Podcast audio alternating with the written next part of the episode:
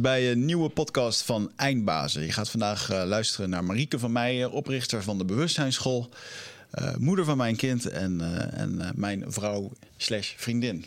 Ja, wij zeggen altijd man en vrouw tegen elkaar, hè? maar we zijn nog niet getrouwd. Nee. nee. Dus, maar in ieder geval, mijn wederhelft, die, ehm, ja, die zit hier vandaag in de podcast. Welkom, het is lang geleden weer. ja, dankjewel. We praten één keer per jaar, dat doen we dan in de podcast. En, nou, het is eh, nu drie jaar geleden. Drie jaar geleden, ja, want er is een hoop gebeurd in de tussentijd. Ja, een kind verder. Een kind verder. En eh, dus ja, als mensen wel eens mij vragen, wat heeft de podcast jou opgeleverd? Nou, een vriendin en een kind. ja, zo is het wel. Eh, leuk dat je er weer bent. We gaan vandaag eh, kletsen over een hele hoop. Maar eerst moet ik eventjes de sponsoren, eh, sponsors van de show benoemen. En dat is onder andere TotalSeat.nl. Want ten tijde dat we dit opnemen zitten we midden in de coronacrisis. En mag niemand naar buiten. Ja, en dan kan de masseur ook niet langskomen. Dus moet je natuurlijk gewoon een massagestoel kopen. En dat kan je doen bij TotalSeat.nl. Ehm, ja, dat is een sponsor van onze show waar we ontzettend dankbaar voor zijn. Dus eh, geef die eens een bezoekje, jongens. Dat zijn echt dingetjes. Dit zijn de Teslaatjes onder de massagestoelen. Eh, ga daar eens heen en ehm, koop een desnoods voor je moeder of voor je vader die hem nodig heeft. Dat is gewoon onderhoud aan je lichaam. Dan, je mag natuurlijk ook niet naar de sportschool. en hebben we natuurlijk gewoon Gymbox. Gymbox levert gewoon een zeecontainer volledig ingericht als personal training studio. En eh, die kan je bij wijze van spreken in je achtertuin eh, zetten als je die ruimte hebt. Ehm, in ieder geval een, eh, een waardevol eh, eh, asset als je die nu in deze tijden hebt. Voor, eh, voor het einde van de wereld, als dat dan nader is, heb je in ieder geval je eigen gym in je achtertuin. Yes. En ehm, ja, eh, zeker voor personal trainers, voor overheidsinstanties, eh, politiediensten, et cetera, willen jullie kunnen trainen en mobiel je, je fitness gym weg kunnen rijden. Kijk dan even op, op gymbox.nl. Ehm, heb ik nog dingen te verkopen, zit ik dan eventjes te denken. Ja, Ja. wel. Ja, er gaat iets heel gaafs aankomen, lieve mensen. Ehm, ik eh, ben eh, bezig, eh, as we speak. Ik zal dit over een weekje lanceren waarschijnlijk, maar ehm, er gaat iets heel erg gaafs aankomen. Het Avani Retreat, waar jullie mij over hebben horen spreken met Casper van der Meulen, dat is natuurlijk verzet in verband met de coronacrisis. En daarvoor ben ik toch andere dingen aan het organiseren om toch lekker te blijven ondernemen. En ik ben bezig met een programma waarin ik je ga leren om te doen wat ik doe. Dat wil zeggen eh, spreken, retreats geven, workshops geven, eh, online aanwezig zijn, podcasten met gave mensen, netwerken. En eigenlijk wat ik je wil leren is om met jouw boodschap die je aan de wereld wil brengen, om de wereld te verbeteren, dat je daar ook nog eens een keertje geld mee kan verdienen en jezelf kan onderhouden. En dan heb ik het voornamelijk over de trainers, coaches, sprekers, eh, mensen die eh, een eh, client-based-achtige onderneming hebben. Hè? Dus als je werkt met klanten en je wil die bedienen. En eh, met jou ga ik in zes weken, weken tijd ga, ik een, eh, ga je een soort mentorschap-programma met mij in. Waarin ik je ga leren hoe je jouw boodschappen ten gelde kan maken. En eh, daar geld mee kan verdienen. Kijk daarvoor eh, op wichertmeerman.com. Want daar vind je alle informatie. En we zullen snel van start gaan. Want als, je, als je dit hoort en denkt van ja, dat heb ik eigenlijk nodig. Zeker in deze tijden heb je het nodig. Want ehm, het gaat straks niet makkelijker worden eh, om eh, aan klanten te komen. In, deze recessie die eraan gaat komen. Eh, en daarom is het belangrijk dat je je dingen op orde gaat krijgen. Zoals een ja, goed aanbod, goed product. En ehm, dat, je, dat je helder in de markt kan vertellen wie je bent, wat je doet. En natuurlijk hoe je gezien kan gaan worden. Dus tot zover. Tot zover dit reclameblok. We moeten eigenlijk zo'n eindbazen Loekie hebben, weet je wel, die je dan tussendoor kan, eh, kan spelen. Goed, eh Loekie, kennen we dat nog? Kennen mensen van Ja. vroeger dat nog? Is het nog steeds Loekie? Nee, toch? Ik kijk jou wel even aan, maar... Van die reclame. Ja, Loekie? Van, Je ja? kunt nog steeds een gouden lookie en zo winnen. Loekie, eh, het dingetje bestaat nog steeds ook tussen de reclames door. Dat was een leeuwtje. Nee, Ja, die leeuwtje. bestaat, Nee, die al, die bestaat echt wel Ah, oké. 30 jaar niet meer Ja, of zo. Oké, nou, maar goed, we zijn ook in een nieuw tijdperk. anyway, nieuw tijdperk en er zijn ook nieuwe mensen. En eh Marieke, je bent weer terug in de studio. Welkom. Dankjewel. En eh, ja, laten we eens eventjes gewoon maar beginnen. Waar we vorige keer geëindigd zijn. Ehm, toen was je ook nog niet zwanger, hè? Nee. We hebben ondertussen een dochter gekregen, lieve mensen. Lijkt me ontzettend leuk om daarover te hebben, samen met Ja. jou. Over het ouderschap. En ehm, eh, nou, laat ik dan eerst eventjes de vraag stellen. eh, wat heb jij in de tussentijd allemaal gedaan na die podcast? Toen is natuurlijk het leven geëxplodeerd. Hè? Alles is versneld gegaan. En ehm, Eh, je bent mooie dingen met de school aan het doen. Je bent verhuisd. ja, zo ontzettend veel gebeurd. Dus ik laat het even bij jou. Wat, wat vind je benoemenswaardig om te melden? Ja, dat we samen een kindje hebben gekregen, een dochtertje, Lea. En ehm, ja, dat is, dat is voor mij eh, wel een life-changing event geweest. Dat is gewoon ehm, het meest mooie en het meest, eh, het, het meest mooie cadeau in mijn leven. Maar ook, eh, ik heb zelf een postnatale depressie gekregen na de bevalling. Dus voor mij is het tevens de meest mooie ervaring en de meest diepe en enge, engste ervaring in, in, denk ik, bijna wel mijn hele leven geweest. Naast mijn bijna doodervaring dan. Maar ik kan wel heel eerlijk zeggen dat er gewoon een hele andere vrouw op de stoel zit na drie jaar. Ja, eh, ik voel me krachtiger, rustiger, eh, heel helder, nog helderder.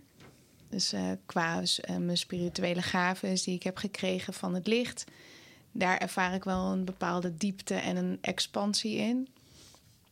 Ehm, waarmee ik enorm veel vette ervaringen heb elke dag.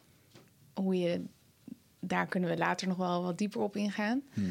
En het heeft me, wat het me ook de afgelopen drie jaar gegeven heeft, is ook een hele andere man. Dus eh, wat ik heel erg, eh, wat mijn hart wel heel erg heel blij maakt, is om te zien dat jij zo'n onwijs leuke vader bent. En eh, een betrokken vader, een leuke vader, een lieve vader, een eh, avontuurlijke vader. eh, heel lief en zacht. En ja, dat heeft mijn, mijn liefde voor jou ook wel verdiept.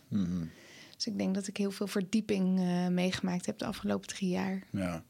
Nou, dat vind ik wel leuk om dan bij het begin te beginnen. Want we hebben op een gegeven moment besloten van nou, dan gaan we aan de kinderen. En toen het moment dat jij besefte dat je zwanger was. Kan je daar eens aan teruggaan? Ja, dat was gelijk. Ja, dat, dat weet ik nog, ja.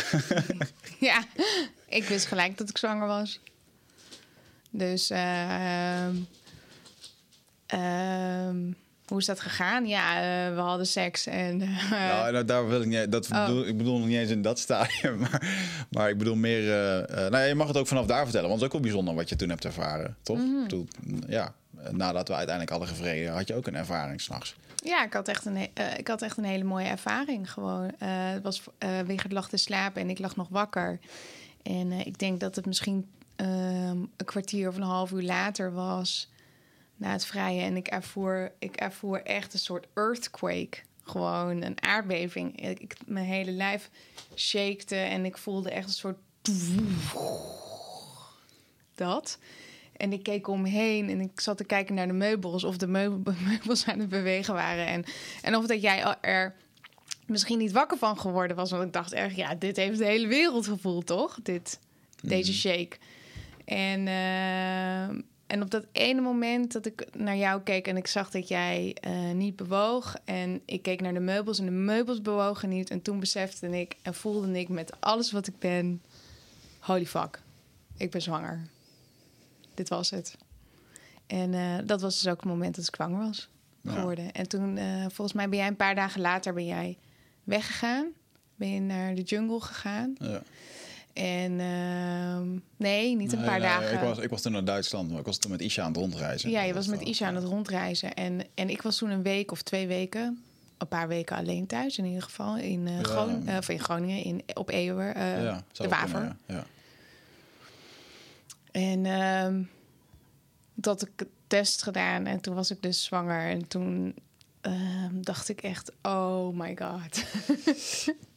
Ik weet nog wel dat ik toen eh, tegen Isha zei: van joh, eh, eh, eigenlijk een hand en een voet aan hem uitgelegd. Van ja, mijn vriendin is heel erg gevoelig en ze heeft gevoeld dat ze zwanger is geworden. Hij zei: ja, maar dat kan je nu nog niet weten, weet je wel.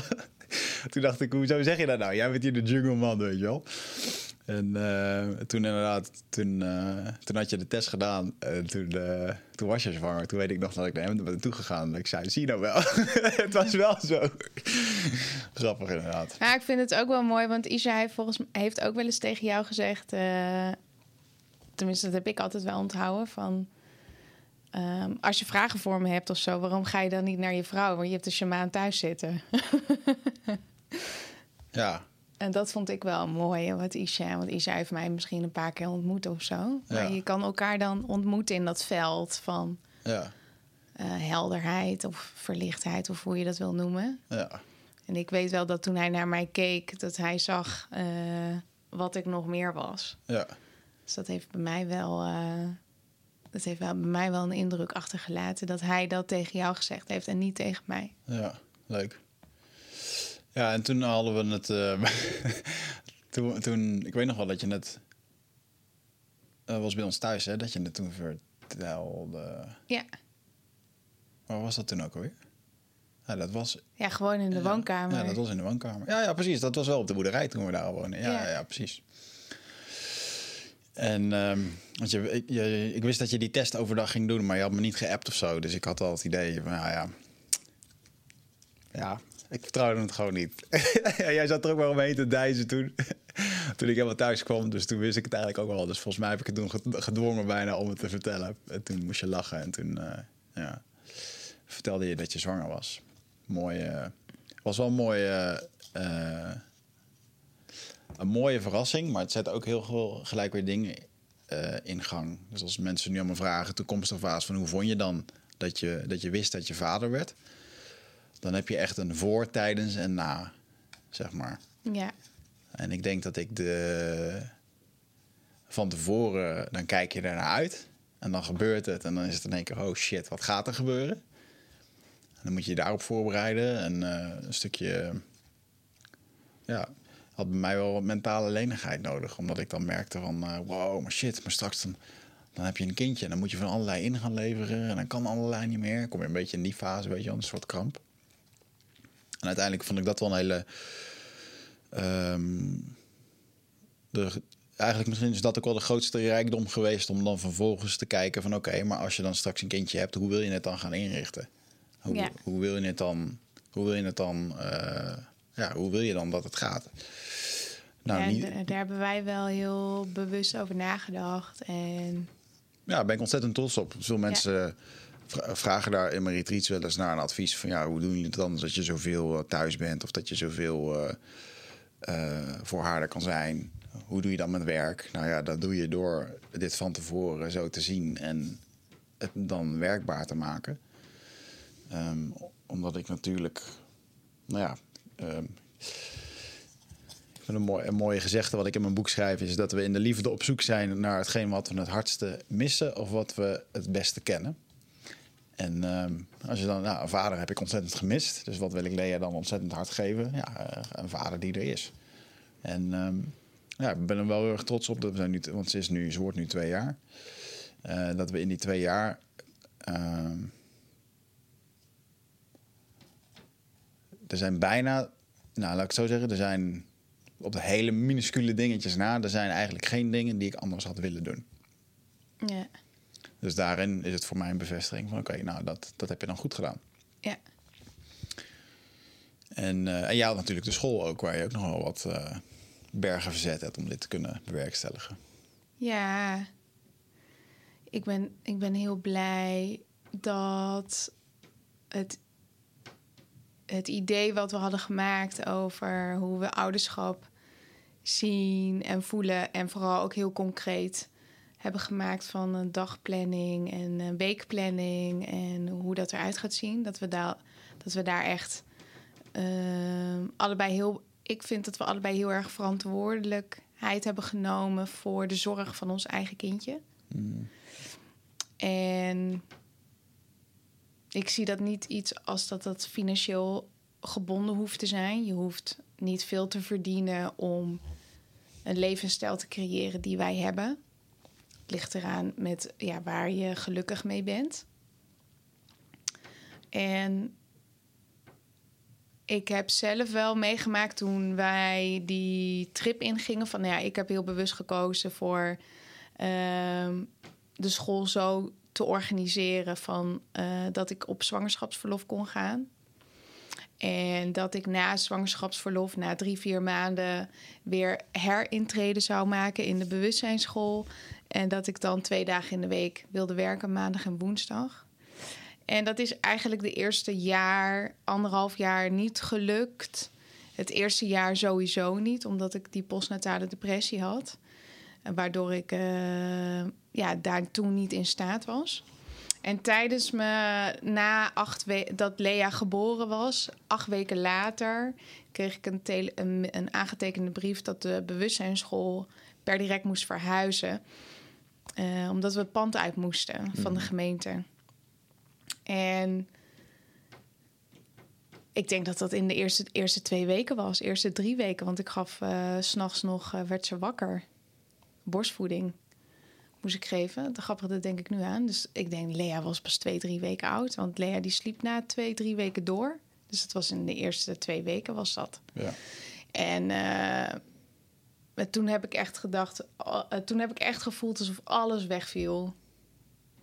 Eh, ik was weg, een kindje. ehm, ik kon mezelf niet in alle uithoeken met wie ik ben meer, meer vinden. Ik voelde me angstig, eh, weggeblazen, overwhelmed. Ik kan nu ook pas relaten tot vrouwen die zoiets meegemaakt hebben of een depressie, dat dat zo intens is. En, en dat de school moest verhuizen, ik wist niet meer, ik wist niet meer waar ik moest zoeken. En toen, ehm, en toch heb ik dan dat diepe vertrouwen in mezelf dat ik eh, in, die, in die app kan zitten. Mhm.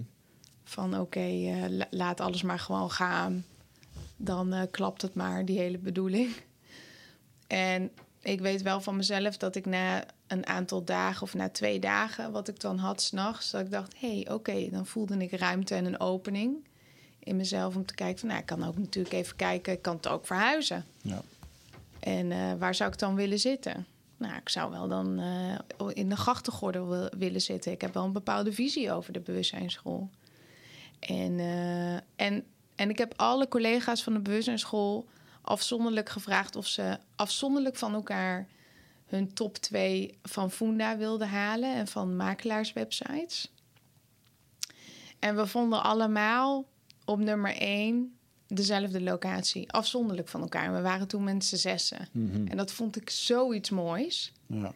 En een eh, week later ben ik naar die locatie gegaan op de Keizersgracht eh, 467. Er was een zolderverdieping. Heel mooi. En eh, ik kwam daar binnen met, met Lea. En eh, ik stond daar en ik, ik wist gewoon, dit is het gewoon. Dit moet ik doen. En toen heb ik gewoon eh, in een week of twee weken met echt heel veel hulp de bewustzijnsschool verhuisd. Ja. En, ehm, en toen opnieuw begonnen. En dat voelde voor mij echt heel fijn, geborgen, klein. En Ja. dat, was, dat was ook een groot element van mij, wat ik, wat ik nu nog steeds kan ervaren soms, dat ik het geborgen en klein wil hebben. Ja. Overzichtelijk. En, eh, maar dat heeft de bewustzijnsschool heel veel goeds gedaan. Wij zijn sinds dat we verhuisd zijn, hebben we ook een totale andere business model in geïntegreerd. En wij zijn gewoon gaan vliegen. En de tijd waarin we nu zitten met coronavirus, eh, gaat het er dus, dus om van ben ik flexibel en open en om snel te kunnen handelen. En ehm, dat is een, een spier die je kan trainen in jezelf. Ook die flexibiliteit zonder angst, maar dat je kan vertrouwen op je backbone, op je ruggenmerg van oké, there's a crisis going on en mijn school is dicht. Mhm. Ehm, wij krijgen natuurlijk eh, grotendeels inkomsten vanuit onze bezoekers. En wat doe je dan, hè? Hoe ga je daar dan mee om? En ik, ik kan, ik, ik floreer dan in zo'n moment. Ik heb ook echt het gevoel in al mijn vezels wat ik ben. Ik word al vijf dagen lang elke ochtend vrolijk en zinvol en heel krachtig wakker. Omdat ik gewoon in alles wat ik voel dat dit mijn tijd is Ja. dit is de tijd waarvoor ik die, eh, die 13 jaar of 16 jaar of hè, nog langer, eh, 20 jaar, eh, mijn bewustzijnsexpansie heb gedaan. Van this is the time to rise up. Mhm. En, ehm, maar ben je dus flexibel als ondernemer om creatief openingen te kunnen hebben naar het universum, om creatieve ideeën te kunnen ontvangen, maar aards dus ook het gelijk concreet te kunnen maken. Mhm. With no bullshit. Gewoon, ik zie het, ik voel het en gewoon gaan. Dit is een tijd van gaan. Niet van postponen. Eh, is het wel perfect genoeg? Ik moet nog dingen maken. Ik moet nog flyers maken. Of nog een landingspagina. Of nog een webpagina. Nee, je moet gewoon gaan. Dit is de tijd van gaan. Gas geven, huppatee. Er zijn heel veel mensen op zoek naar het teken. Maar dat is het teken. Het teken is, is dat A, je hebt het gezien. Ik heb niet jouw inspiratie gehad. Of jouw idee ontvangen. Nee, jij, jij alleen hebt dat idee gehad en ontvangen en gezien. Als je het gevoeld hebt door je hele lijf en je gaat ervan aan. Ik noem dat aan, maar je wordt er enthousiast van, plezierig. Je, je stroomt helemaal. Je denkt, holy fuck, dit is het. En dan nummer drie, en dan haakt de driekwart af. Want dan, dan moeten we het gaan doen. Ja, en dan is het dus inderdaad handschoenen aantrekken en gewoon gaan met die banaan. Mouwen Ja. opstropen en eh, doen. Ja. En dan moet je, moeten nu natuurlijk nu heel veel mensen, privé en bedrijfsmatig, moeten dat doen. Omdat ze anders geen bestaansrecht hebben, Ja. financieel gezien. Ja. Als ik niet tot actie was gekomen eh, vorige week, pas vorige week, dan eh, had ik, was ik gewoon heel stilletjes aan naar faillissement gegaan. Ja. Dus, en dat is wel gewoon heel eerlijk de casus. Ja. Eh, maar kan je in tijden van storm en stress dat punt voelen in jezelf, maar in dat punt ben ik kalm en in dat punt heb ik overzicht en in dat punt ben ik helder en in dit punt I stand up. Ja. Ik ga. En dan beweegt de rest ook wel mee. Ja, dat bewonder ik wel aan jou. Want je hebt altijd, ik heb jou in meerdere situaties meegemaakt. Ook nog voor Lea. Ook met dat twee dagen voordat jij een investering nodig had. Dat de investeerders eh, zeiden, nou we doen het toch lekker niet. Of eh, echt wel rot situaties met eh, inderdaad en een pand en een contract en werknemers en dingen. En dan zit je zo, ja, dan kan je zo meegetrokken worden als je daar niet goed actie op neemt. Maar je hebt er altijd wel een hele flexibele, dat vertrouwen wat je zegt. Je hebt vertrouwen dat het goed komt. Ja. Maar niet door op de bank te zitten en te hopen. Nee. Wel door gewoon concreet actie eh, daarop te nemen. Ik denk dat corona ook wel een hele grote uitvergroter is van wat je van binnen eigenlijk voelt. Dus eh, de mensen die eigenlijk al heel erg angstig en onzeker zijn, daar zie je dat nu nog meer door op social media. Door bijvoorbeeld eh, heel veel over corona te gaan zitten posten. Het is ook een soort van verdoving, weet je wel. Continu daar maar mee bezig zijn. En ehm, Ja, maar het heeft, het, het heeft allemaal altijd eh, alles in balans te maken. Dus ehm, ja, ehm, ik hoor en lees dingen over corona. En, en well done, want dat moet. Want je leeft in een samenleving en we moeten dit wereldwijd samen doen. Hoe jouw eigen persoonlijke perceptie of beeld hierover is, dat is jouw zaak. Hè? Ik zie dat echt als mijn zaak, hoe ik er naar kijk. Maar het is niet mijn zaak om mijn zaak te overleggen en te overlappen over iedereen. Dus het overtuigen van mijn zaak, het vertellen over mijn zaak, het ver- vertellen van mijn blik, het, het, het, het echt er doorheen drukken, wat je natuurlijk heel veel mensen nu ziet doen en ook heel veel spirituele mensen. Maar het heeft te maken met balans. Ik zie dat echt als van oké, ik neem dat tot mij, tot een bepaalde hoogte, neem ik dat in mijn veld.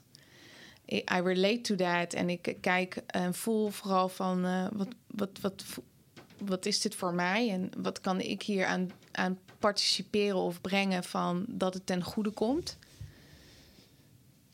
En de rest van de dag ben ik bezig met andere dingen, met het leven. Zoals eh, transcendente reizen of eh, met mijn dochtertje zijn. Of onze dochter eh, met jou naar het bos gaan, naar buiten.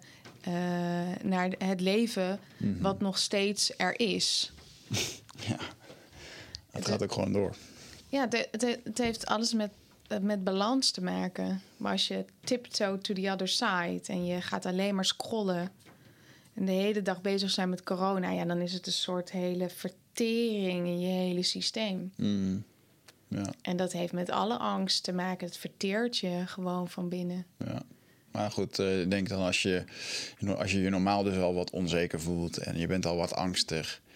eh, maar je bent aan het ondernemen in een, eh, in een tijd waarin ik durf te zeggen dat de afgelopen jaren waren echt heel goed voor de Nederlandse economie. En ik denk dat een hele hoop ondernemers eh, door die goede tijd konden ondernemen of konden bestaan.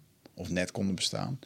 En eh, nu komt dit eroverheen. En dan staat er als het ware een groot spook met een masker eh, achter dat ondernemerschap. En dat is wel waar het ondernemerschap voor een hele hoop mensen dan ophoudt.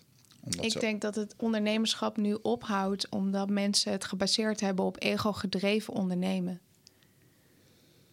Dus dit is wat wij bij de business school van de bewustzijnsschool onderne eh, ondernemers leren bezield ondernemen.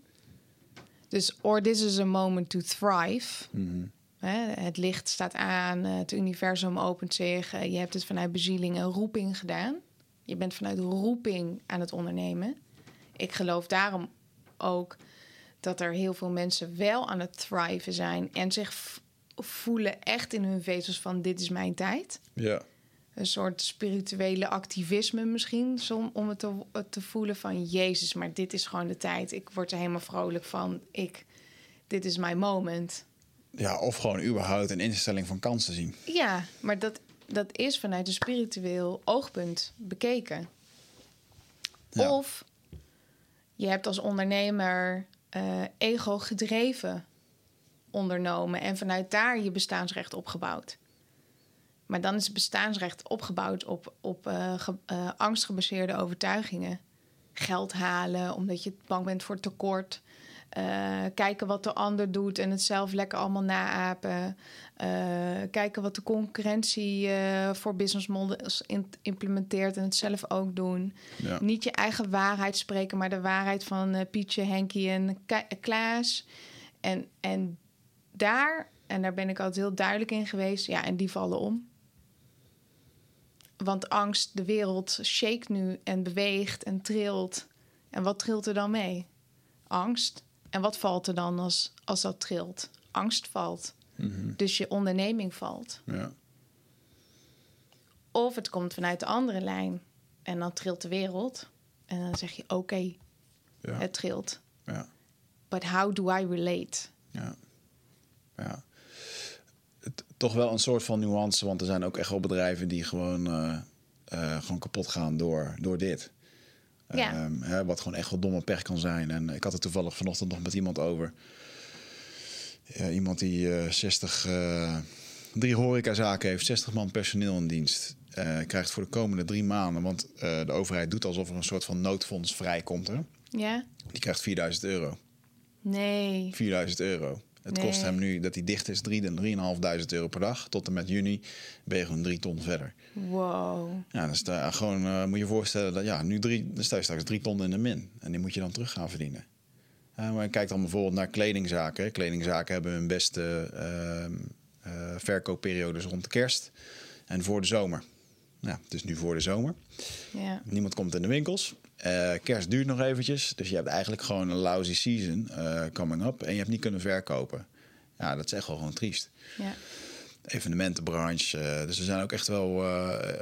ja, ik geloof dat... Begrijp me wel- niet verkeerd, hè? Ik bedoel, ik bedoel niet ego-gedreven en zo zwart-wit zwart neer te zetten. Want het is gewoon verschrikkelijk wat er gebeurt.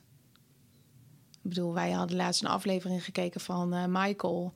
waarin hij vertelde dat, dat, dat, dat de broer van Cindy met die bloemen... Ja, de bloembollen. Eh, de bloemen, de, de- ik weet eventjes niet, de bloemenman. En die bloemenman die kon in een week tijd gewoon zijn droom dicht doen. Ja, het is bizar. Ja. Dus ook al ben je aangesloten en ben je je ding aan het doen, weet je wel. Maar desalniettemin, bijvoorbeeld een kapper. En je moet je deur nu dicht doen. Je bent een kapper. Ja.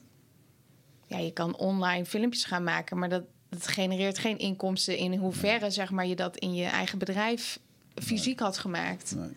Dus het is in een, heel groot, in een hele grote golf desastreus voor zoveel bedrijven, ondernemers, ZZP'ers. Ja. Die vanuit een goed gevoel en vanuit een hart aan het ondernemen zijn, maar gewoon echt.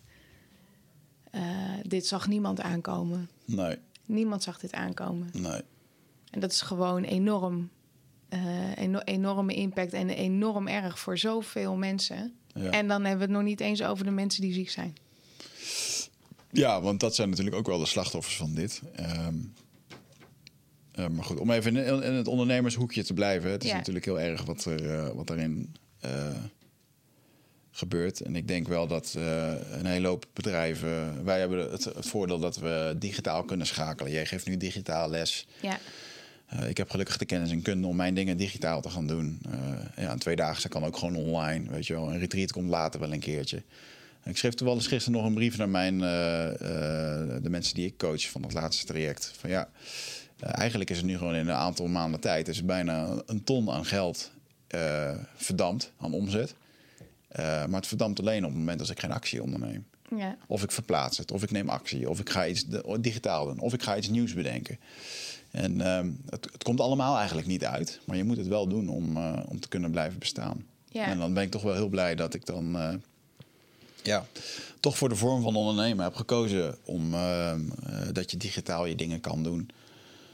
Ehm, ja, dat je dus niet met allemaal 300 medewerkers zit en dat soort dingen. Dat zijn wel echt wel andere casussen. ja. Ja, En ik de, ja, voor de school is het natuurlijk ook leden zijn natuurlijk. De, nou, dat is wel een heel ding. Hè? Gewoon eh, mijn werk is eigenlijk ook verbinding. Gewoon je wil groepen bij elkaar hebben. Je wil. Je ziet nu ook echt in de samenleving. Ik vind het, het geeft er echt wel een deuk in. Bij jou op school ook. Eh, verbinding, mensen samenkomen, het lesgeven. En, Ja. en dat is toch wel een ontzettende deuk in hetgeen wat nu eh, niet meer mag. Ja, en wat je ook voelt van ehm, hoe ga ik, wat ik dus gisteren me voor het eerst bewust van werd, was, nou ja, het is natuurlijk pas een week dat we, of anderhalve week dat we, dat, dat je echt de deuren dicht moet doen en dat je niet meer mensen mag zien. Ja, Of in ieder geval niet meer dan drie. En ehm, gisteren had ik een meeting eh, via Zoom. En dat ik voor het eerst echt merkte van... eh, wow, ik kan gewoon eh, niet aanraken. ja, Dus wat dat met mij deed... dat ik mijn eh, collega's of mijn vriendinnen... het is natuurlijk wel heel leuk via de app, weet je wel... dat we elke dag zitten te vertellen wat we aan het doen zijn. En daarin is wel veel meer contact en verbinding. Maar dat aanraken, dat deed wel wat met mij. Hmm. Van eh, dat ik eh, het op zo'n beeldscherm. ja, En toch geloof ik dat dat ook weer een beweging is naar een, een les in jezelf. Van oké, hoe dus aanraking is blijkbaar voor mij heel belangrijk. En wat geeft aanraking mij dan? En kan ik die aanraking ook op een andere manier nu eh, bij mezelf vergroten? Of kan ik dat gevoel wat ik krijg van een aanraking op een andere manier eh, krijgen? Dus dat is wel iets waar ik dan zelf mee eh, ten rade ga in mezelf. ja, En ik denk dat, dat deze tijd ons dat wel allemaal geeft. ja. Ja, plus dat het ook heel veel werknemers zal dwingen om, eh, of werkgevers zal dwingen om meer vertrouwen te geven aan hun werknemers. Ja, Dat ze thuis kunnen werken, dat ze, dat ze hun werk zullen doen zonder toezicht ja, of met beperkte toezicht. Dus ik denk wel dat het, eh, het zal ook wel een hoop goeds, eh goeds brengen. Ja, ja ver- vertrouwen, verbinding, begrip, denk ik ook wel meer voor elkaar, hoop ik. Ja, ja of eh, ook wel wat compassie voor je baas, bijvoorbeeld. En eh, ehm, ja, want er zitten natuurlijk, eh, we hebben het nu eventjes over de ondernemers, maar er zitten natuurlijk ook nog een hele hoop mensen gewoon thuis te werken. Ja, Want dat heeft me ook wel veel bezig gehouden. Wat, wij zijn veel thuis. We vinden het leuk om thuis te zijn. En ehm, ja bij ons is er niet heel veel veranderd. nou, ik, wou, ja, ik wou vond het wel even leuk, want je, ehm, eh, om eventjes terug te komen, eh, het gaat een beetje van hond naar her, maar je hebt eh, eh, de zwangerschap, vond ik wel heel bijzonder dat je daar. eh, eh, ik wil het even hebben over de gezinssituatie nu en dan kunnen we het straks wel weer over corona hebben, maar ehm, eh, tijdens jouw zwangerschap heb jij je heel erg fijn gevoeld. Ja, Dat vond ik wel heel erg mooi om te zien. Dat jij toen je zwanger werd, heb je eigenlijk negen maanden echt eh, heb je heerlijk van jezelf kunnen genieten. Ja. Ja, ik, ik weet ehm, eh, de eerste twee maanden niet echt. Het was echt gewoon, als dit het is, shoot me. Echt ziek, weet je wel.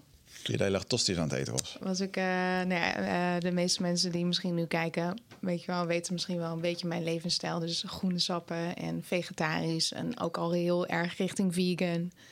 En, ehm, en toen ik zwanger was, eh, werd, eh, was ik 's ochtends van half acht tot een uurtje of twaalf uur 's middags, half één uh, kotsmisselijk. Dan hing ik boven de wc. Helemaal kapot, super moe. En alleen eh, tussen eh, vijf en zeven of vijf en acht, toen kon ik echt eten. En ik kon alleen maar tossies eten. of friet of broodjes hamburger. Dus toen ging ik weer vlees eten, omdat ik dat dus echt wilde. Maar en toen op een gegeven moment was er zo'n omslagpunt van... eh, echt me heerlijk voelen. Gewoon eh, rust en nog een veel diepere rust. En ik voelde me heel vrouwelijk en krachtig en ehm, super creatief. Echt super creatief en ook heel ondernemend. En eh, ja, ik geloof dat dat er vooral mee te maken heeft dat eh, Lea eh, me ook heel erg groundde, nog meer. Dus ik zat echt super in mijn lichaam. Ja, En eh, dat beviel me wel. ja. Ja. En hoe zou jij als, eh, ja, ja, goed, je voelt een hoop meer dan de gemiddelde mens en je, je, neemt een hoop meer waar dan de gemiddelde mens.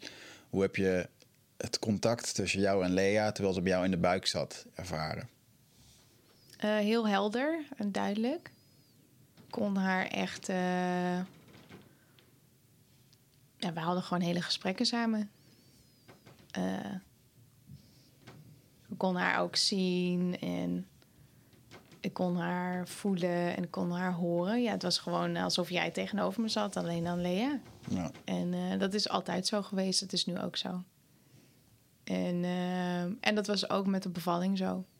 ja. Dus ik heb, na, ik heb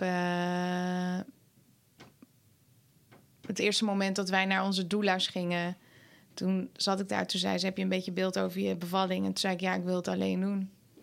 Ik wil geen hulp. Ik wil niet dat iemand gaat kijken. Ik wil niet dat mensen aan mijn kindje gaan komen. Ik wil, eh, ik wil helemaal alleen zijn. En ik wil niet gestoord worden. En ik eh, wil het alleen doen.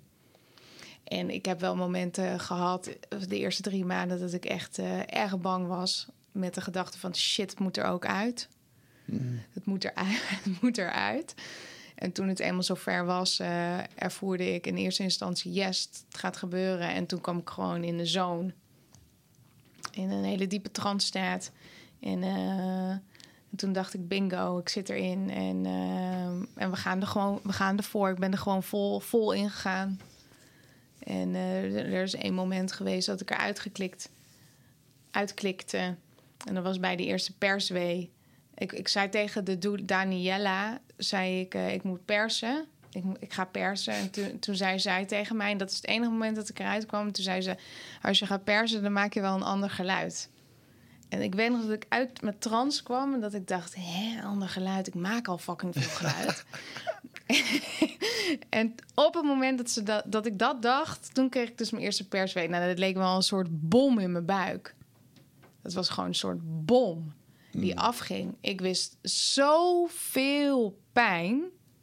Zoveel is gewoon... Dat is gewoon niet te beschrijven. Niet uit te leggen. En ik weet nog dat ik toen eruit klikte en dat ik mijn bewustzijn ging naar eh, de lantaarnpaal toen ik 16 was. Dat, dat, dat, dat was hetzelfde pijnlevel. Moet je uitleggen voor de mensen die je niet kennen. eh, op mijn zestiende heb ik een bijna doodervaring gehad. Toen heb ik met mijn Honda, eh, weet ik, eh, met 50 kilometer of 80 kilometer, ik weet niet eens meer, heel hard. eh, toen ben ik gelanceerd, ben ik tegen een lantaarnpaal aangekomen met de middenkant van mijn lichaam. En toen had ik al mijn inwendige bloedingen, ribben gebroken en gekneusd. En mijn arm was helemaal verbrijzeld. Dus de intensiteit van een lantaarnpaal en een perswee kwam bij mij wel overeen. Maar ik weet nog, dat vond ik zo magisch... dat ik toen, toen mijn energie naar die angst wilde van... oh, fuck, ik ga dood, dat. En dat ik tegen mezelf zei, een soort drieluik dat ik zat... Nee, Marieke, nu moet je terugkomen, want hier hebben we nu geen tijd voor. en toen kwam ik weer helemaal zo terug. En toen, en toen ben ik tegen Lea gaan zeggen het volgende. hey, vriendin, dit doen we drie keer en daarna is basta. dat zei ik ook echt zo. En want ik, had, ik, ik voelde ook ehm, met mijn hand in mijn vagina om te voelen van waar haar hoofd zat. En ik voelde haar hoofd dat ze de- haar hoofd er al bijna uit was. toen, en toen zei ik, nou, dit doen we drie keer en dan is het gewoon wel echt klaar. Ja. En toen kwam er, kwamen er drie en toen was er er gewoon in één keer. En dat moment vergeet ik nooit meer. Dat was een soort alien ervaring had ik. Ik ook. Het was een soort. eh, ze lag met de rug een keer naar me toe. En daar heb ik. Nu achteraf kan ik daar zo helder over praten. Eh, want in die, in die zone wist ik het niet. Maar ik wees wel van. ehm, ze, is eruit. En ik pak haar beet. En eh, ik, ik draai haar om. En het eerste wat ze ziet is haar moeder. En ze ziet natuurlijk niet met haar ogen. Maar ik dacht wel, want ze, gaat, ze kijkt en ze, ze ziet. Ja. En zien is op een eh, spiritueel niveau, bedoel ik dan, energetisch. En het eerste wat ze nu mag zien en voelen is haar eigen moeder. Ja. Want, want zo'n babytje is er gewoon uit. Dat is helemaal los. Ja, die maakt ook wat mee. En Dat is gewoon het eerste het, trauma. tra- het trauma. En Ja. dan vervolgens is het natuurlijk een soort geen tijdsbesef. Dus dat duurt voor haar eeuwig, zo'n moment. Waar is haar moeder dan? Ja.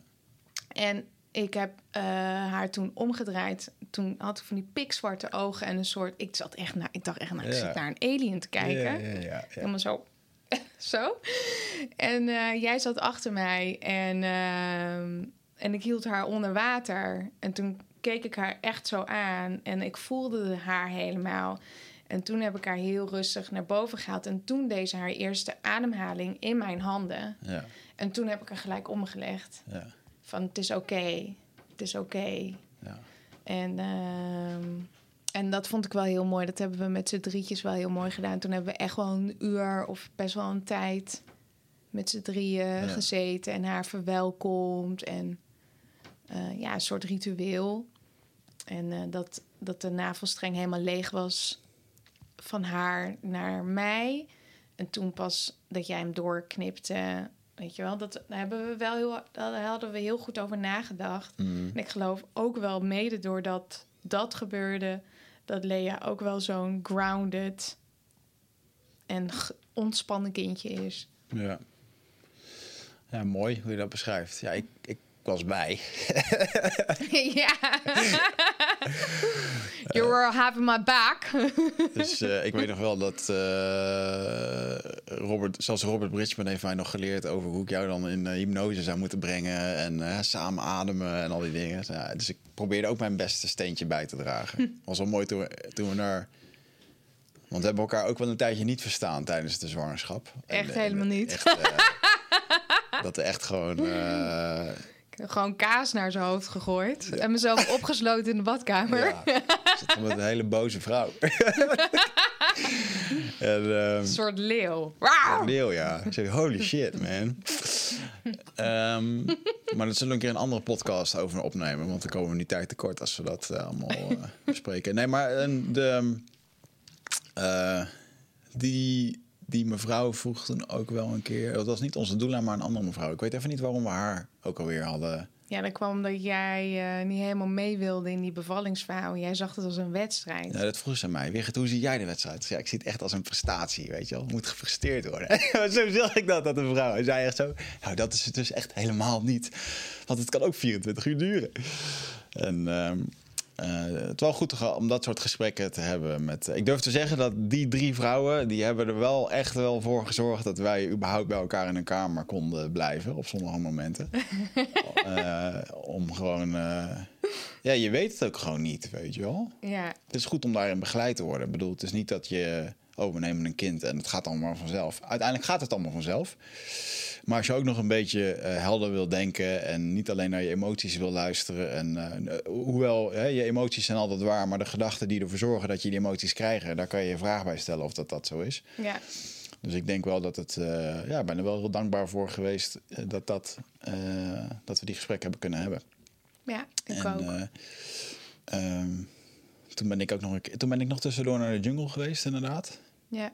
En eh, dat was wel heel mooi voor mij een ervaring dat ik eh, daarheen ging om ingewijd te worden in de stam. En tijdens die inwijding kreeg je natuurlijk ook allerlei rituelen. En eh, uiteraard eh, het medicijn wat ze daar drinken. En dat ik daarin, in die, in, tijdens dat ritueel heb ik mijn ehm, eh, ja, maakte ik eigenlijk de overgang van jongetje naar man. Dus alles wat ik als jongetje nu nog bij me droeg. Allemaal kinderlijke angsten. eh, angst van mijn vader dat hij weg zou gaan. Angst dat, eh, of, dat ik die zou verliezen. eh, eenzaamheid. Echt die hele kindse angst, die heb ik daar echt gevoeld. En daar achter me gelaten. En dat heeft voor mij echt wel een hele... Ja, was echt een soort rite of passage voor mij. Om, oké, nu ben je klaar voor dat vaderschap. En, en drie maanden later werd Lee ook geboren. En, en dat moment dat ze geboren werd, ja, dat vond ik ook wel heel bijzonder, ja. Dat ze, ze werd natuurlijk in het, in het bad geboren. En, eh, we hebben er gewoon nog eventjes eh, een halve minuut onder water gehouden. En dan zie je Ja. er ook gewoon nog niet ademen. Dus voor haar gevoel zat ze nog steeds op de plek. Ja. Of tenminste, nog steeds in een soort waterige plek. En eh, ja, dat moment dat ze, de, dat, ze de, eh, dat ze eruit werd gehaald en echt zo... Dat eerste adempje, dat, eh, dat staat echt nog wel op mijn, eh, op mijn netvlies eh, gebrand, ja. Ja, haar gezichtje, dat was ook echt een soort alien. Even die donkere oogjes inderdaad. ja, zo. en, eh, een beetje eh, zo, zo. Ja, grappig. Ja, Ja. En nu stond het dus alweer een poppetje van twee jaar. ja. Lieve dame. En ehm, ik ben wel heel blij hoe we dat hebben gedaan. Veel mensen vragen ons wel eens af van hoe doen we het dan? Nou, we hadden eerst hadden wij een relatie waarbij jij in Amsterdam woonde deels en ik op de boerderij. En, eh, en halverwege de week dan meeten we elkaar weer. Dan was het net alsof we op vakantie waren geweest. En volgende week zit toevallig Jan Geurts hier weer in de stoel. En die zal eh, waarschijnlijk wel weer gaan vertellen over dat je niet moet gaan samenwonen.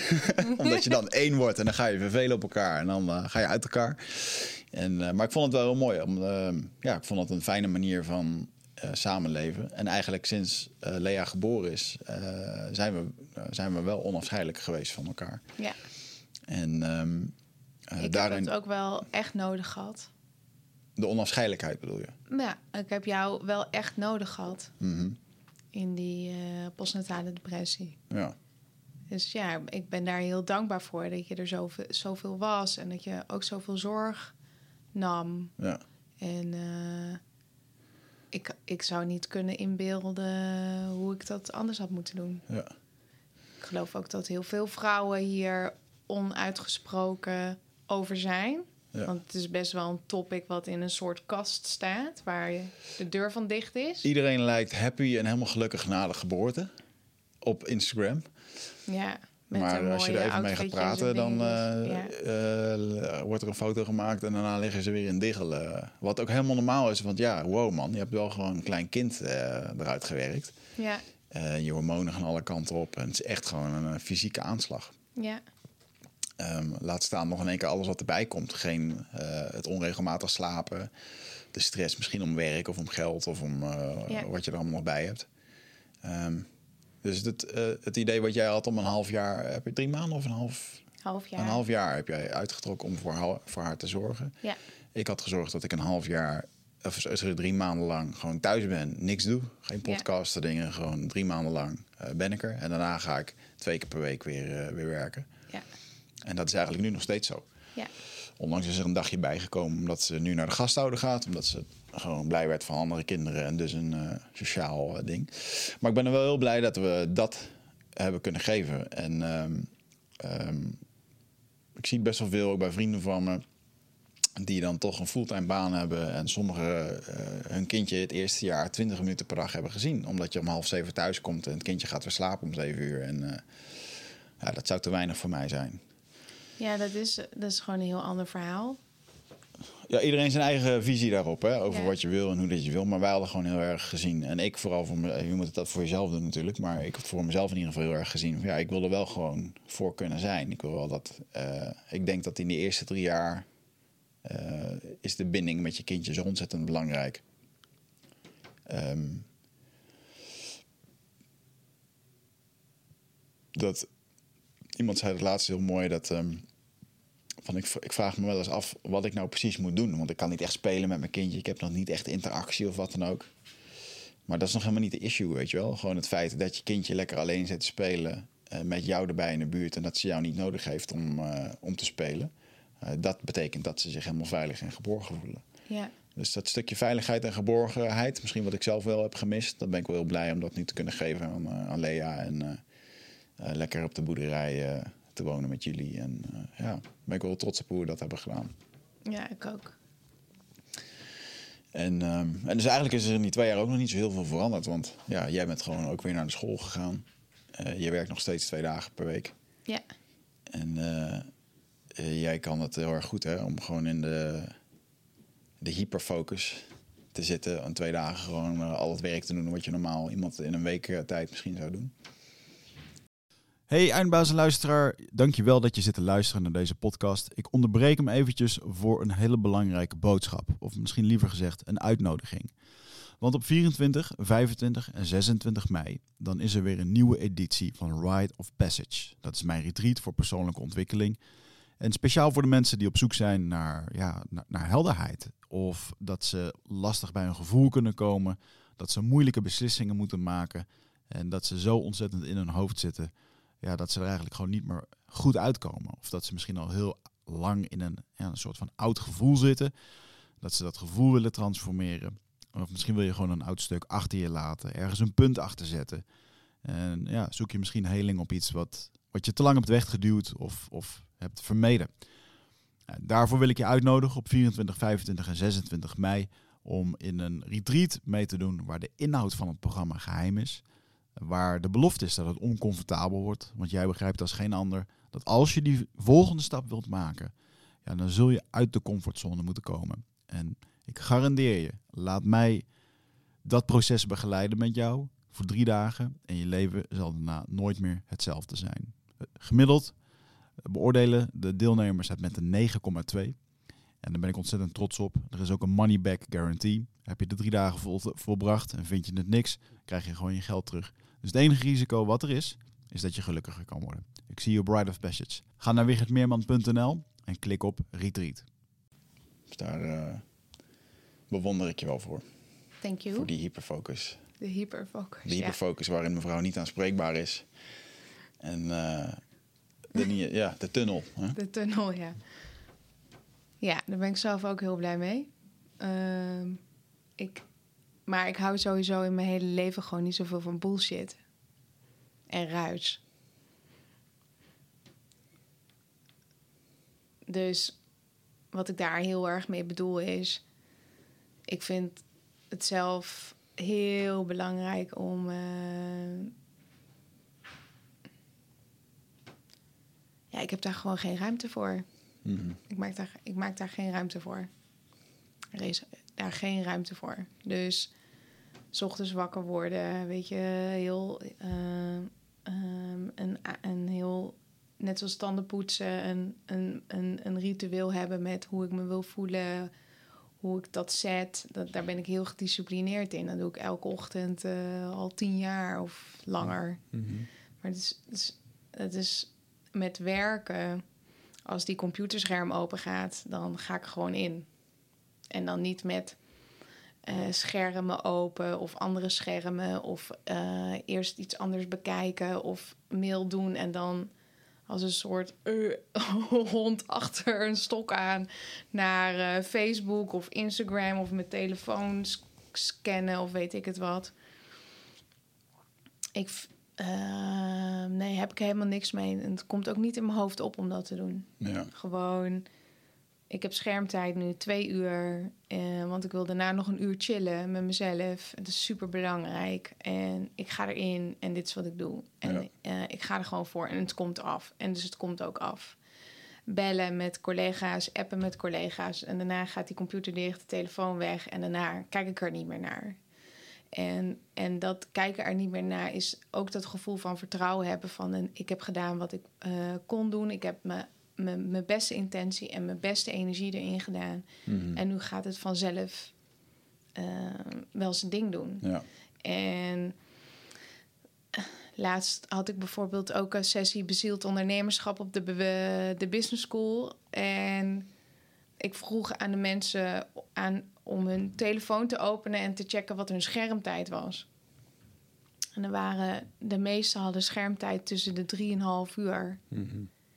En de andere, en er waren ook twee dames. Uh, eentje had 6 uur en de andere had 8,5 uur. En dat ik zei van, ik vind er niet zoveel van. Ik vind het helemaal oké okay dat je dat doet, weet je wel. Ik wil je wel een vraag stellen. Ik wil je wel vragen van, wat, wat, wat doe je in hemelsnaam met al die tijd op je scherm? Mm. In drieënhalf uur, joh, dan eh, wat kan je allemaal dan nog wel niet meer doen? Werken aan je bedrijf. Je had allemaal dingen kunnen opstarten. Met schermtijd van 8,5 uur had je sowieso een ander bedrijf op kunnen starten. Of kunnen wandelen. Of eh, voor je familie kunnen zorgen. Of Ja. een, een bijdrage kunnen leveren. Of weet je, waar gaat je energie heen? En dat is wel een hele belangrijke check-in vraag voor mij. Wat betreft ruis. Ik zie dat als ruis. Waar gaat mijn energie heen? Nou, mijn energie gaat niet naar ruis. Ja. En dat heeft ermee te maken ook vooral van hoe waardevol is mijn energie. Eh, ik ben waardig. Worthy. Eh, ik ben waardig, dus mijn energie is ook waardig. Waar ga ik mijn energie dan aan geven? Ja, en het is de wisselwerking. Want ik ben van mening dat eh, energie komt niet aanwaaien op het moment als je op de bank zit en Netflix zit te kijken. Zo van dan rust ik uit en dan heb ik weer energie voor dingen. En energie genereer je door, degene, door eh, de dingen die je doet. Ja, Door de passen die je mag uitoefenen. Door eh, ja, wat geeft je energie, letterlijk. ja, En natuurlijk kosten sommige dingen ook energie. Hè? Ik bedoel, als jij iets moet doen voor je bedrijf of als je zo'n uur focuswerk moet doen, dan kost dat ook gewoon energie. Maar uiteindelijk, het, het is ook een soort van verschoning van de batterij. Zo zie ik dat. ja het- dus bijvoorbeeld dat twee uur hyperfocussen. Eh dan gaat bijvoorbeeld de computer dicht. En, dus een- en dat, dat kan voor iedereen gelden. Hè? Ehm, het is niks vermoeiender dan acht uur lang werken en dan gewoon tien mails gedaan hebben en over die tien mails acht uur moeten doen. Mhm. Dat is heel vermoeiend. Ja. Het is gewoon een lekkende. Het is gewoon eh, alle kranen staan open en alles vloeit weg, weet je wel. Ja. Maar als je nou eens in twee uur tijd die tien mails doet en je hebt drie uur en die andere uur mag jij gaan wandelen, transcendent reizen, mediteren, eh, een lekkere lunch voor jezelf maken, Ja. naar buiten staren, lekker niks doen. Of een eh, half uur sporten, weet je. Ja. Maar dat soort momenten eh, integreren, heel gefocust en gedisciplineerd op je dag. Ja. Dus er is heel veel vrijheid dan. En dat is wel iets ehm, wat je jezelf kan geven als je jezelf de vraag stelt: hoe waardevol is mijn energie? Mhm. En als we dat als heel waardevol voelen en beschouwen, dan ga je heel secuur om met je energie. Dan ga je heel secuur om met mensen. Dan ga je heel secuur om met wat er in je veld gebeurt. Ja, Ja. dat. Als we dan eventjes het bruggetje weer maken van het eh, familieleven en hoe je je wil voelen en hoe je alles inricht naar eh, wat er nu speelt hè, met corona. Mensen zitten thuis. Je zit in één keer met je gezin thuis, waar je normaal eh, sommige mensen letterlijk van wegvluchten. Kinderen die liever naar school gaan dan, liever, dan, dan thuis zijn. Ouders die eigenlijk niet lekker met elkaar viben, waardoor de kinderen daar ook een last van hebben. Ja, Ehm, eh, iedereen zit in één keer op elkaars lip. En ehm, eh, ja, weet je, we hebben het geluk dat wij op een heerlijke boerderij wonen. Maar er zijn ook mensen die eh, op een flatje zitten. Een twee kamer appartement. En, en eh, daar nu met z'n allen zitten. Dan word je wel gewoon getest. ja. En ehm, ehm, wat denk je dat de grootste uitdaging is die gezinnen nu, die gezinnen nu met elkaar hebben in dit spectrum? Je mag niet naar buiten, dat is zo min mogelijk. Eh, je zit met elkaar tot en met 1 juni. Wat is de grootste uitdaging die men tegenkomt? ja eh, communiceren. Of het gebrek aan communiceren?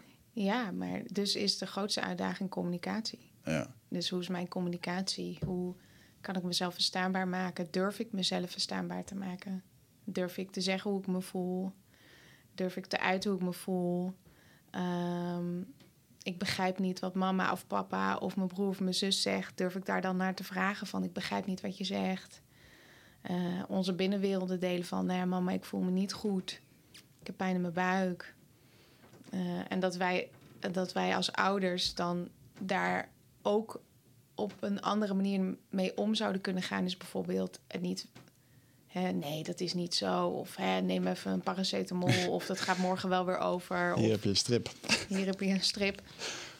Maar misschien geeft het kindje zich wel, geeft, geeft het dochtertje wel aan van ik ben bang. Mhm. Hè? Als we pijn in ons buik hebben, heeft dat, mee, heeft dat eigenlijk altijd te maken met stress en angst. Het is ook een angstige tijd. kunnen we onze kinderen op een volwassen manier ook aanspreken van, nou ja, weet je, eh, dat doen wij ook met Lea. Daar kies ik heel bewust voor.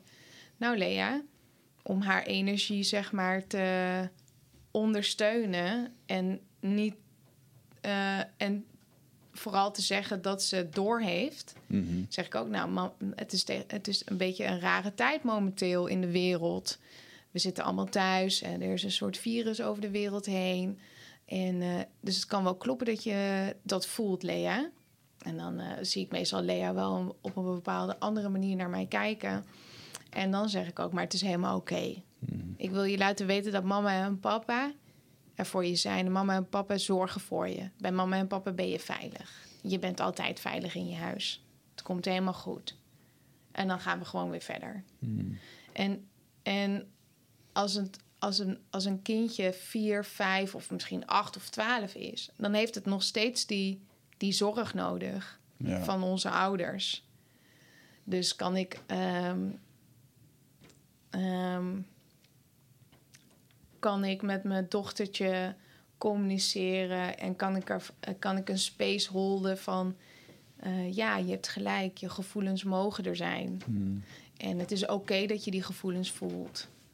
Eh, maar wij, wij zorgen voor je. En, ik vind, en ook zeggen, hè, ik vind het fijn dat je je uitspreekt. Ja. Goed dat je je uitspreekt. Knap van je dat je je uitspreekt. Mama vindt het fijn dat je je uitspreekt. Ook al gaan er bij mijzelf nu bellen over... oh jee, mijn dochter is onveilig of voelt zich vervelend. Mhm. Ja, dat is dan weer iets wat de ouder weer mag oplossen Ja. in haarzelf. Of ook alweer kan delen met haar partner. Maar het heeft met, kan ik mezelf delen Ja. te maken? Kan ik communiceren en delen? Ja, en ik denk dat veel ouders nog wel de. Hoe moet ik het zeggen? De verkeerde inschatting maken dat eh, Lea is nu twee. En dat sommige, misschien zelfs mensen die luisteren, die nu zullen denken van ja, maar dat ga je toch niet tegen een kindje van twee zeggen, weet je wel, eh, die maakt het nog helemaal niet mee. Nou, en of. Dus een kindje van twee voelt haar fijn aan over wat voor toon dat je praat. Of ik bedoel, eh, als wij een keer oneenigheid met elkaar hebben en we spreken op een andere toon tegen elkaar, dan raakt Lea overstuur. Ja, En, eh, en op het moment als, je, als het leuk is en lollig en we lachen, dan lacht Lea mee. ja, Dus ik, ik ben wel van mening dat alles wat je nu... Nu is het echt het moment dat als je leiderschap als ouder zijn wil tonen... dat je dat nu inderdaad doet. Want je bent echt gewoon je omgeving. Wat dat betreft. Ehm, ik vind een mooie uitspraak. Als jij, een augurk, als jij een komkommer bent en ik stop je in een pot met augurken... dan word je vanzelf een augurk. En zo is het. Want eh, de wisselwerking waarmee je nu continu eh, opgesloten zit in huis, dat, dat neem je tot je. De tradities, de gewoontes, de, de dingen binnen het gezin of binnen de maatschappij. En zeker nu binnen het gezin. ja. En ik denk dat als je als ouder, ehm, als er een moment is om leiderschap te tonen, dan is het nu. En dat hoeft echt niet heel erg groots, hè, want eh, we kijken natuurlijk naar leiderschapsprogramma's en naar de, de grote gurus. Eh, het hoeft echt niet allemaal zo, maar het betekent wel gewoon inderdaad dat je, joh, ma- maak eens een plan voor wat als er nou gewoon, als er nu, ja, wat ga je de komende twee maanden nu precies doen? Wat ga je de komende twee maanden doen zodat iedereen zich fijn voelt? Heeft papa zijn shit op orde? Heeft mama zijn shit op orde? En als dat niet zo is, dan is dat ook een antwoord. Maar dan is dit wel echt, als je een groter teken wil hebben dan dit, van dat je er iets aan moet gaan doen. ja. Ja, weet je, dit is het gewoon, dit is wel het moment. Ja, ook relationeel gezien. Ja, Mensen, partners die elkaar eh, niet zagen of eh, spraken over het weer en de ditjes en de datjes. De koetjes en de kalfjes. ik moest wel heel erg lachen om één meme die ik zag online van eh, ah, het voetballen gaat nu niet door, dus ik heb voor de verandering maar met mijn vrouw gesproken. Blijkt ze ontslagen te zijn bij de V&D. ik heb echt tranen gelachen toen ik die zag. Mooi. Maar het is, het, ja, het is wel zo, ja. Het, de echte diepe conversatie. Er zijn heel veel gezinnen die nu s'avonds, die s'avonds normaliter thuiskomen. En dan praten ze over het voetbal. De tv gaat aan. en het werk de en kinderen de en het werk. En de, En, eh, ehm, en niet over de gevoelens of de irritaties of de angsten of de gedachten. Of het, eh, even een diep gesprek. En nu zit je dus de hele dag met elkaar. Terwijl je Ja. overdag lekker kan... eh, hoe noem je dat? Tafelvoetballen met je collega's. of beerpongen op het einde van de week. En dat moet nu met het gezin. En ik weet zeker dat dat heel, voor heel veel mensen confronterend is. Ik heb, zoveel, ik heb echt collega's gehad in mijn oude voor, in mijn voor, in mijn oude, in mijn vorige werk.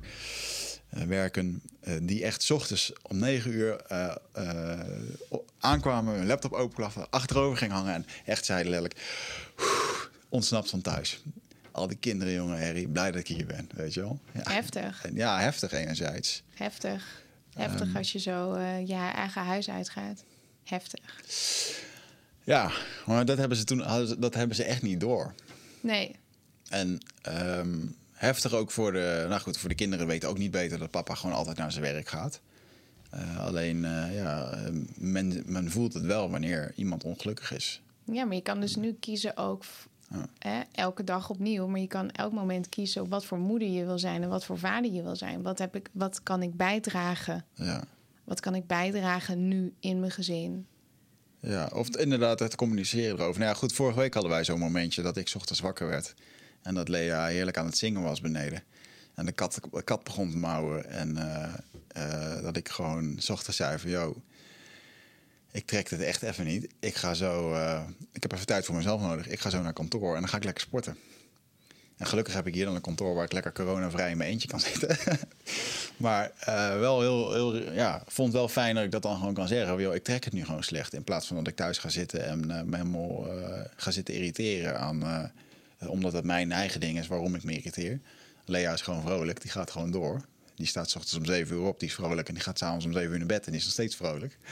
Dus die doet wel gewoon dat ding. Eh, maar eh, ja, ehm, ik zie dan wel het gevaar dat als je daar dan in blijft en je blijft geïrriteerd, dan, en je doet dat dagenlang of wekenlang, dan ploft vanzelf een keertje de bom.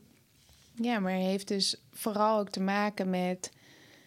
Jij voelt je blijkbaar veilig eh, in de setting tussen jou en mij... om je gevoel te uiten.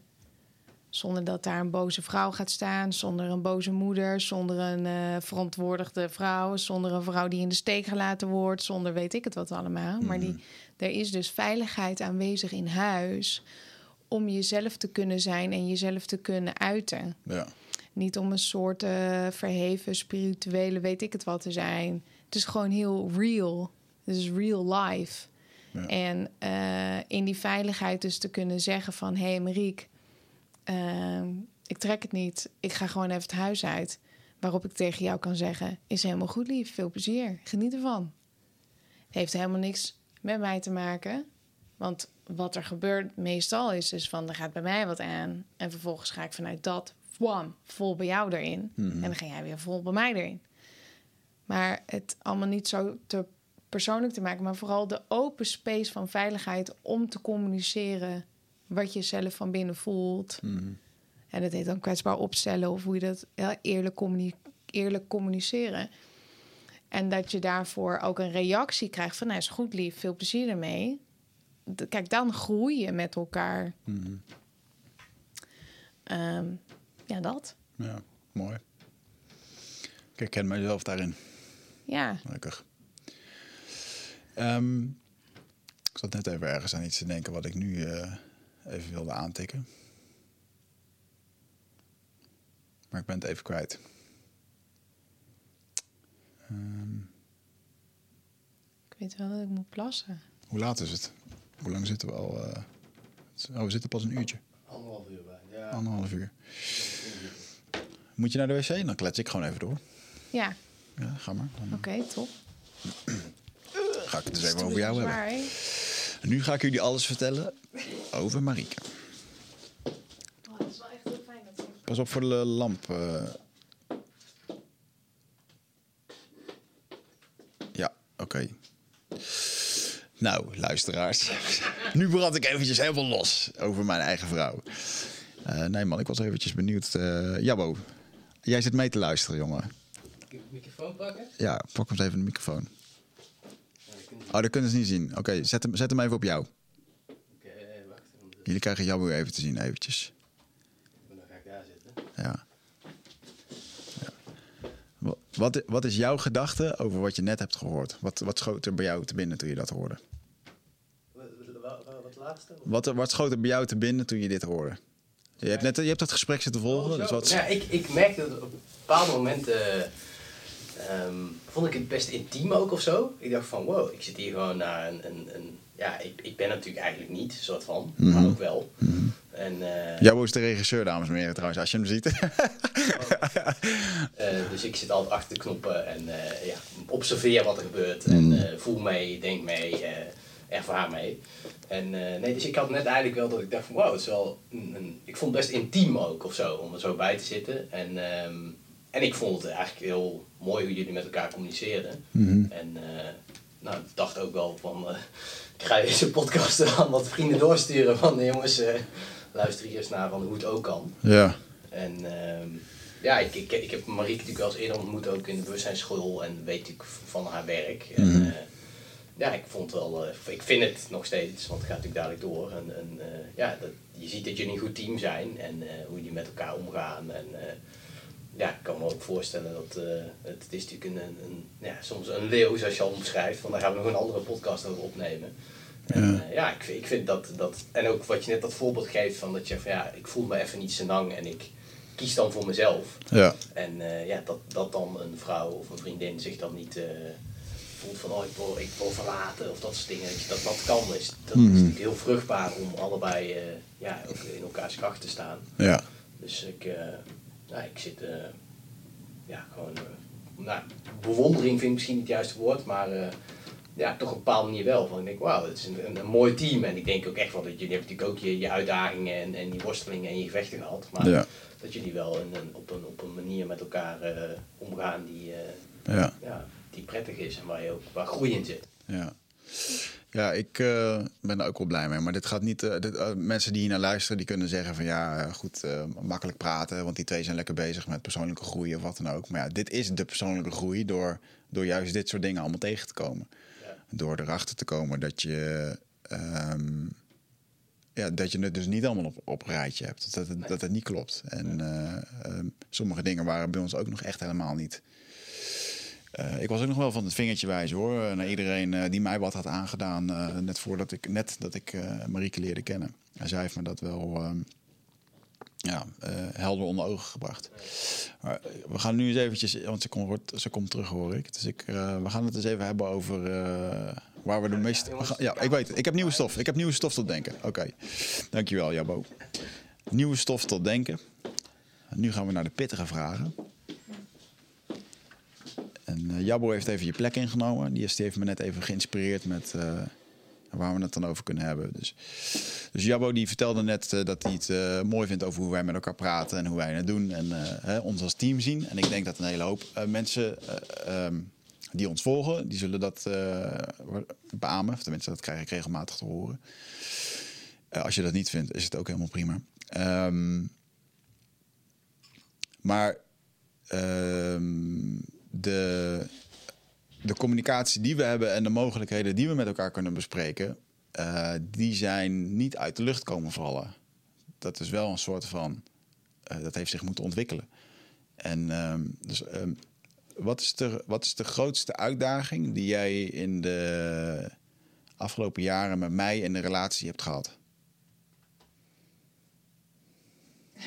Eh, me durven.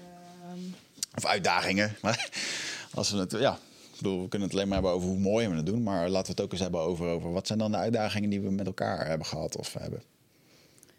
Nou, ik geloof mijn grootste uitdaging was mijn helder, heldervoelendheid.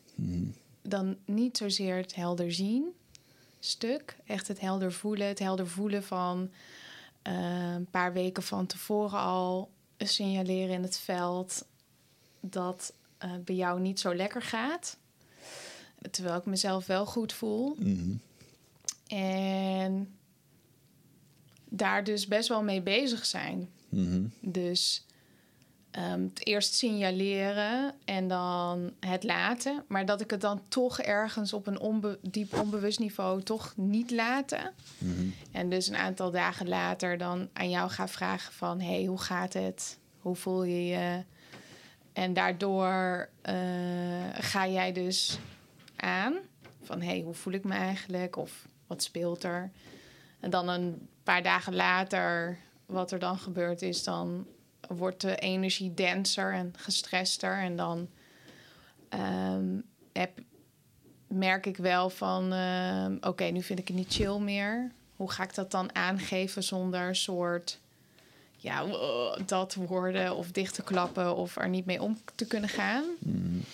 En wat ik mezelf nu geleerd heb is dat het jouw zaak is en niet mijn zaak. Jij voelt je op dat moment niet oké. En ik signaleer dat, is ook oké. Hoe, how do I relate met, met die energie? Is het oké dat hij zich niet goed voelt? Ja, het is oké dat hij zich niet goed voelt. Dus dan laat ik het. Oké, ik laat het. Ja. En ehm, daardoor maak ik zeg maar niet eh, het ook uiteindelijk mijn probleem. Mhm.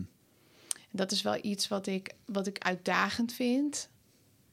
Maar mijzelf wel steeds beter lukt. Omdat er wel een soort mechanisme in mijzelf ontstaan is door dat heldervoelendheid. En eh, eh, vooral van vroeger ook. ehm, om problemen snel op me te nemen van anderen. En het te willen oplossen. Dus de redder met een cape. Woehoe. Maar nu kan ik dat signaleren en kan ik dat bij de ander laten. Dus bijvoorbeeld bij jou. En dus check ik in met jou. eh, bijvoorbeeld, eh, hoe voel je je? En als jij dan zegt goed, oké, nou oké, ja, hij voelt zich goed. Prima. En dan hoef ik het niet te geloven. Hè, want dat is ook een stuk wat ik niet doe. Ik geloof het niet. Ehm, ik blijf dus mijn eigen heldervoelendheid geloven. Dus ik doe geen afstand van mijn hart en mijn ziel. Ehm, maar ik laat het wel bij jou. En dat is mijn grootste uitdaging, geloof ik, met het samenleven. Het samenwonen. Het niet allemaal zo persoonlijk te nemen en het niet jou, iedere, iemands andere zaak mijn zaak te maken. Ja. En dat geeft wel heel veel rust en vooral een hele helderheid met mijn eigen grenzen. Mhm. Dus ik kan nu wel duidelijker mijn eigen grenzen bewaken en me- mezelf duidelijker uitspreken. Ik denk dat dat wel een katalysator was vanuit de zwangerschap. ja. Waar ik eh, heel echt een leeuw was. Lion. Lion. Lionheart. Was echt, eh, ik, schrok er niet zelf van, maar ik dacht wel van wow, dit zit in mij. Ja. dat. En eh, maar grenzen, grenzen hebben. Dat. Ja. Ja. Liefdevol mijn eigen grenzen kunnen bewaren. ja, mooi. En de jouwe? Ehm, ja, ik zat er dan net aan te denken. Het is enerzijds heel mooi, want enerzijds vraag ik je de grootste uitdaging in de relatie. En wat heel veel mensen dan vaak zouden doen, is door te zeggen: Nou ja, die ander doet vaak dit of dat. En dan, eh, maar daar gaat het niet over. Het gaat erom hoe jij daarmee omgaat. Dus, dus wat je beschrijft, eh, je, houdt het bij, daarin bij jezelf. En inderdaad, bij, mij, bij mijzelf. ehm, Ehm, laat ik het zo zeggen. Ik heb heel erg veel eraan gehad om me emotioneel en mentaal niet meer zo afhankelijk te maken van, eh, van, van mijn werk of succes of eh, een beetje dat riedeltje, weet je wel. Ehm, ik denk dat ik ook een hele tijd na mijn tijd in de jungle eh, heb ik de hele tijd in een fase gezeten van ja, ik heb allemaal gezien wat ik wil gaan doen, wat ik moet gaan doen. Spreken, op een podium staan, een boek schrijven, eh, eh, ja, prediken wat ik daar heb, eh, heb mogen zien en heb opgeschreven. Alleen ik heb daarna wel heel lang in een tussenfase gezeten waarbij ik een soort van ja, alsof je nog even moest wachten voordat je het allemaal kon doen. Ehm, oftewel, ik moest eigenlijk gewoon echt gaan toepassen wat ik in mijn boek had geleerd. Eh, en al die elke lessen. dag neem ik aan. En iedere dag, ja. En, ehm, en dat ik gewoon... Het was een beetje alsof ik... ehm, eh, je hebt je middelbare schooldiploma gehaald, dan heb je een diploma. En vervolgens word je op de echte wereld neergezet met je diploma, maar je weet nog helemaal niks. ja. Beetje dat gevoel. En ehm, eh, ik denk dat ik in de afgelopen jaren ontzettend veel moeite had om. een ja, misschien was het wel afhankelijkheid. Onafhankelijk alles kunnen en voelen doen. Dus niet stiekem nog de afhankelijkheid zoeken bij bijvoorbeeld eh, mijn compagnon. Eh, dat heb ik in vorige bedrijven gedaan eh, met een investeerder. Nu met Nutrifit samen met Michel opgezet. Daardoor ook heel erg op Michel leunen. Wachten tot hij in actie kwam. In de relatie met jou. Ehm, eh, ja, misschien jou te veel de moederrol gegeven. En zelf te afwachtend of zo. Niet durven. eh, een beetje in dat spectrum. En ik denk wel dat ik daar eh, de grootste gift wat ik mezelf daarin heb gegeven is in de afgelopen drie jaar om eh, ja, dat stukje zelfstandigheid. Dat gewoon geloven dat het lukt en geloven dat het kan. En dat heeft tijd nodig en dat mag ook gewoon eh, ontvouwen. En nu, zie, nu heb ik voor, me, voor mijn gevoel, eh, zie ik dat het aan het ontvouwen is. En dat het de kant op gaat waar- waarvan ik eh, had gezien dat het zo zou zijn. Ehm, en waar ik in de relatie eh, moeite mee had, was dat ik wel eh, in de zwanger, zeker de zwangerschap heeft er ook mee te maken gehad, dat ik wel echt gewoon een andere vrouw heb gekregen. En, en de intensiteit waarmee ik je heb beleefd, eh, ook tijdens de zwangerschap en, en daarna, noem het hormonen of niet, maar misschien is het gewoon, eh, als alle lagen eraf zijn, is dat gewoon wat er overblijft. Hè? Gewoon eh, een vrouw die heel gevoelig is en eh, ja, de leeuw, de leeuwin, zeg maar. En om daarmee om te gaan en om mezelf daarin staande te houden. En ik denk wel dat ik in heb gemerkt dat ik in dat, op het moment als dat gebeurde, dat ik dus heel veel moeite had om mezelf staande te houden. Omdat je dus niet, eh, omdat ik me niet altijd zo onafhankelijk heb kunnen voelen zelf. Eh, ja, ik denk dat dat wel de grootste uitdaging is geweest. Dus ik werd heel erg getest in mijn onafhankelijkheid. Ja. Nu vraagt iedereen zich af, wat was het scenario met die leeuw dan? Oh, nee, ja, nee, ja, we hebben echt wel gewoon dingen gehad dat... eh, eh, als ik bijvoorbeeld eh, mijn afspraken niet nakwam. Ik had bijvoorbeeld Ja. iets... ik zou bijvoorbeeld wat fixen en dan denk ik... Ja, ja, komt wel. Ja, doe ik morgen wel. En dan deed ik het morgen niet. En dacht ik... Ik dacht dan in mijn hoofd... Ja, dat is niet zo belangrijk. Komt wel, weet je. Dat doe ik dan wel. En, en daar hebben we elkaar wel in moeten vinden. Want bij jou is wel... Als je zegt... Ja, morgen... Dan was ik dit glas af en je hebt het morgen niet gedaan. Dan, dan is de afspraak niet nagekomen. Ja, ik ben daar heel erg... eh, En, eh, nou je woord. Dus dat heeft voor Ja. mij... Voor, mij, voor mijzelf is dus weer die waardigheid van energie. Als ik tegen jou zeg dat doe ik, ja. dan doe ik dat. Want waarom spreek je het anders? Ja. Ja, en da- dat is misschien, en dat is nog steeds wel eens een dingetje, dat jij daar wat sn- sneller in gaat dan, dan ik. Of je hebt het dan nog helderder. Hè, want jij kan ook, voor de mensen thuis die dat niet begrijpen, ehm, wij kunnen langs elkaar zetten, ik, zitten, ik kan me rot voelen. En dan wil ik het er eigenlijk niet over hebben. En jij vraagt dan inderdaad van, hoe voel je je, of wat dan ook. En soms kun jij nog wel beter beschrijven wat er met me aan de hand is dan ik zelf. Eh, dat, is, dat is het gave die je hebt. En, eh, en op dat moment vloek voor mij. Eh, want ik word dan heel erg geconfronteerd met wat, er, eh, wat ik niet zeg of wat ik niet wil uiten. Ehm,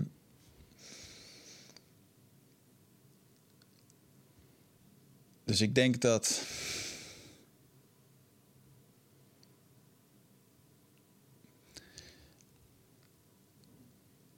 Ik denk dat ik dat gewoon een, een, een, een, ja, een hele lastige vind. Dat op een moment als ik word geconfronteerd met wat ik inderdaad iets niet heb gedaan. Bijvoorbeeld, ik heb een afspraak met je gemaakt. Eh, dat is niet, en ik ben dat niet nagekomen. En jij confronteert me ermee. Dat ik uit in dat moment, in het spasme, en eh, noem dat dan eventjes ego of wat dan ook, dat ik zeg: eh, ja, maar is niet zo. Heb Ja, wel, heb ik wel gedaan. liegen, ja. Heb ik wel gedaan. Ja, maar en, eh, dat doen heel veel mensen. Hè. Zo van, ja, ik ben het niet vergeten. Ik doe het gewoon morgen. Ja. Ja. maar je bent het dus wel vergeten. Even heel feitelijk, je bent het dus vergeten. Ja, oké. En dan kan ik dan wel weer allemaal... dat vind ik dan nog wel eens moeilijk. Want ik kan er dan allemaal redenen omheen bedenken waarom dat dan is gebeurd. Maar ja, oké, ik ben mijn afspraak niet, la- niet nagekomen. En, eh, en ik denk dat dat... Ja, misschien is dat wel een soort van automatisme. Zo van, dan komt er wat irritatie bij. eh, en dan eh, irritatie over mezelf of van jou, of wat, dat maakt dan niet uit. Maar en dan, uit ik dat weer door bijvoorbeeld de bal terug te kaatsen. Door te zeggen, je moet niet zo moeilijk doen. Weet je, dan ga je in aanval en dan wordt het kibbelen. En, en daar komen uiteindelijk ruzies vandaan.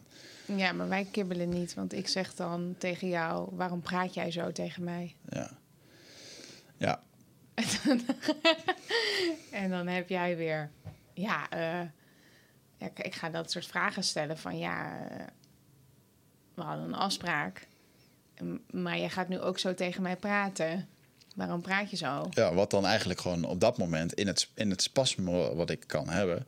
En wat heel veel mensen zullen herkennen, is dat het, is dat het afweermechanisme van ja, maar ehm, even, even, terug erin, uh, ja, hoe noem je dat? Terug erin walsen of uh, er even overheen beuken of uh, toon, stem verheffen. Of, dat zijn allemaal maniertjes om, om als het ware te kunnen ontsnappen. Ja. Ja, en, en het is ook niet iets wat ik zelf heel erg had in het begin. Dit is wel iets wat ik heel erg geleerd heb door de zwangerschap en de postnatale depressie bijvoorbeeld. Of vooral therapie-sessies die ik gehad heb. Waardoor ik onder andere nu kan zeggen: hé, hey, wacht even. Waarom praat je zo tegen mij? Dit voelt helemaal niet goed voor mij. Ja. Nu, we hadden een afspraak en nu ga je ook nog agressief praten tegen mij. Dat is helemaal niet lief. Ik bedoel, en daardoor, uh, daardoor blijf ik heel erg bij mezelf. Zorg ik goed voor mezelf. Ja. En de, en de helderheid van de afspraak. En daardoor zeg ik ook een grens van... Ik, ik hoef die gewelddadigheid niet. Ja. En ik geloof dat... Ja, dat dat uiteindelijk een soort uh, nieuwe wind in een relatie kan brengen van communiceren. Voel ik me veilig om te communiceren. Mm. Dus ook al word jij agressief in je taal of in je energie. En doordat ik nu durf te zeggen steeds van waarom, waarom, waarom doe je zo tegen mij? Dat vind ik niet oké. Bij mezelf te blijven en die veiligheid in mezelf te blijven voelen. Mm In plaats van me onveilig te voelen, wat ik vroeger had. En dan vol de aanval erin. Want dat kon, dat kon ik vroeger ook. Ja. En dan blies ik mezelf helemaal op en dan vol erin. Maar nu kan ik gewoon wat rustiger blijven. Rustig en voelen mijn eigen veiligheid en stevigheid. En dus zeggen van hé, hey, um, die zin van waarom, waarom, waarom praat je zo tegen mij? Mm En daardoor wordt de space tussen partners of kinderen of met wie je communiceert, ehm, dan zet je de space hoger neer van veiligheid. Mhm. Ik zeg dat nu ook gewoon nu, hè, omdat dat nu doorkomt.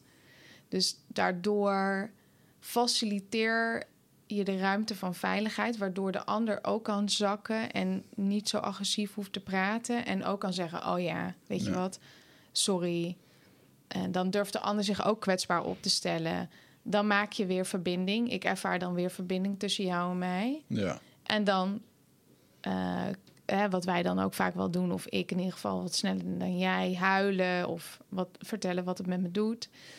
Uh, voor mezelf zorgen en vervolgens weer een nieuwe afspraak te maken. Maar daardoor faciliteer je dus een ruimte van veiligheid in je huis voor open, liefdevolle communicatie. Mm waarin wel duidelijke grenzen zijn voor zelfzorg. Ja. Self-care. Ik zeg dat altijd zo, self-care.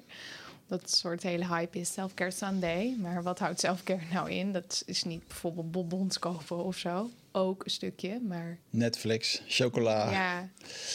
En tissues. en een Disney-film. Kan ik bij mezelf blijven en voor mezelf zorgen. En dat is het meest spannende wat er is. Ja is het meest spannende wat er is. Ja. Ik denk sowieso wel dat in de relatie. Ehm, het is sowieso heel spannend, want hoe jij je voelt heeft, uh, heeft affectie op de ander. Ja. Dus door, door dat te uiten, iedere keer als je wat uit, bij wijze van spreken, lijkt er een soort van risico te zijn in heel veel relaties.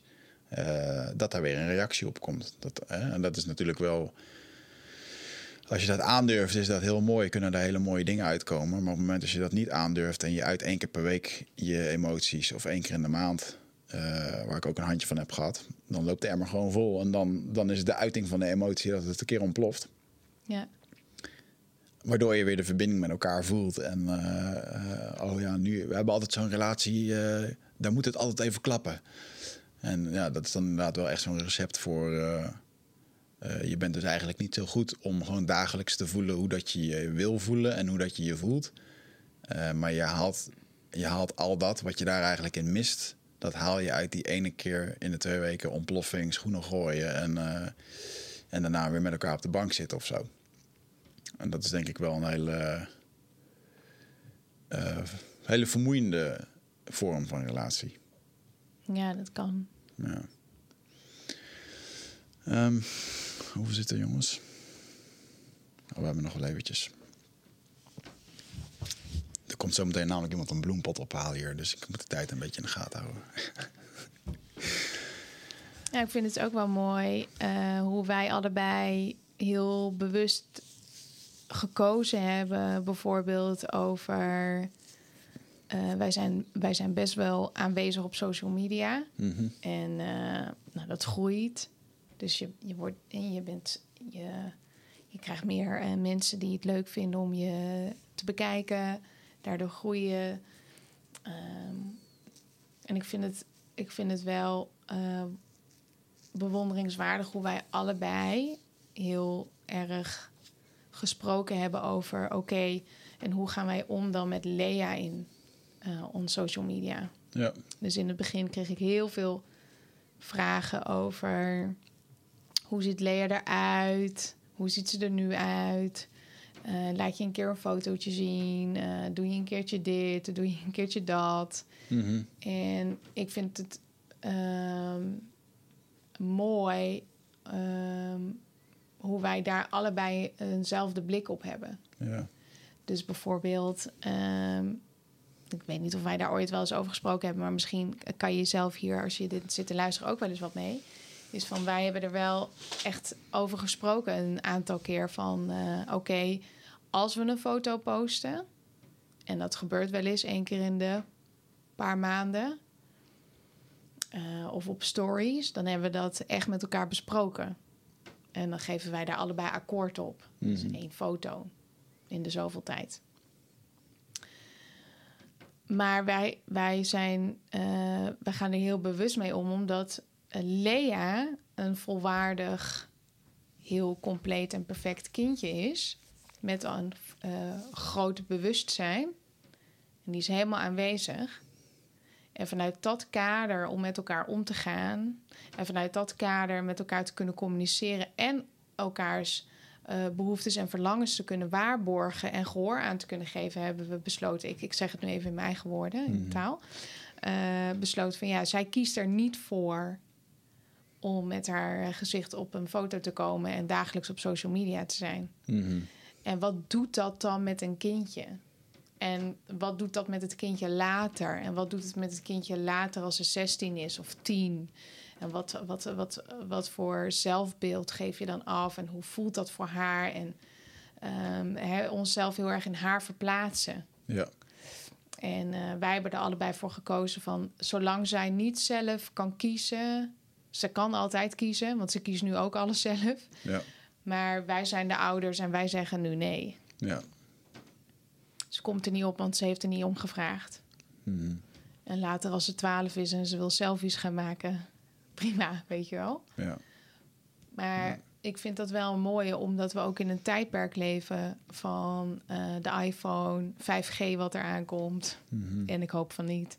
Ehm, dat alles zo eh, digitaal is en kinderen die ook digitaal opgevoed worden. Of Ja. even zo handig een scherm geven of handige beeld aanzetten. Of om zes uur lekker achter de televisie zetten. Of, Ja. ehm, het is allemaal heel handig, maar wat doet het eigenlijk met het kindje? Ja. Ja. En wij, wij kiezen er dus ook heel erg voor om bijvoorbeeld Lea eh, niet te confronteren steeds met scherm. Dus de schermen liggen boven op de kast of de schermen liggen uit het zicht. Ja. Nou, je ziet wat het met het doet als ze een scherm ziet. Wordt ze gewoon gek. Ja, dan wil ze gewoon dat scherm. Want, en ik snap het ook wel, want als je op dat scherm drukt, eh, zeker op die iPhone, dan gebeurt er wat. Dus het heeft interactie. En Ja, ik heb dit altijd, eh, ik vind het altijd een grappige vergelijking. Dat als ik naar eh, de Indianenstam zou gaan en ik zie daar een hele nieuwe wereld die ik nog nooit heb gezien. En er zit daar iedere dag zit er een man op een houten stokje te kijken.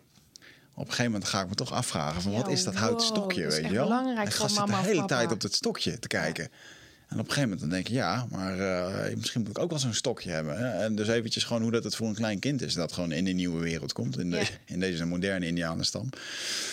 Dat, ehm, ehm, ja, heel verleidelijk om daar continu mee, eh, mee rond te lopen. Anderzijds, weet je, het is technologie. Ze krijgt het straks ook op school, dus ze gaat er niet aan ontkomen.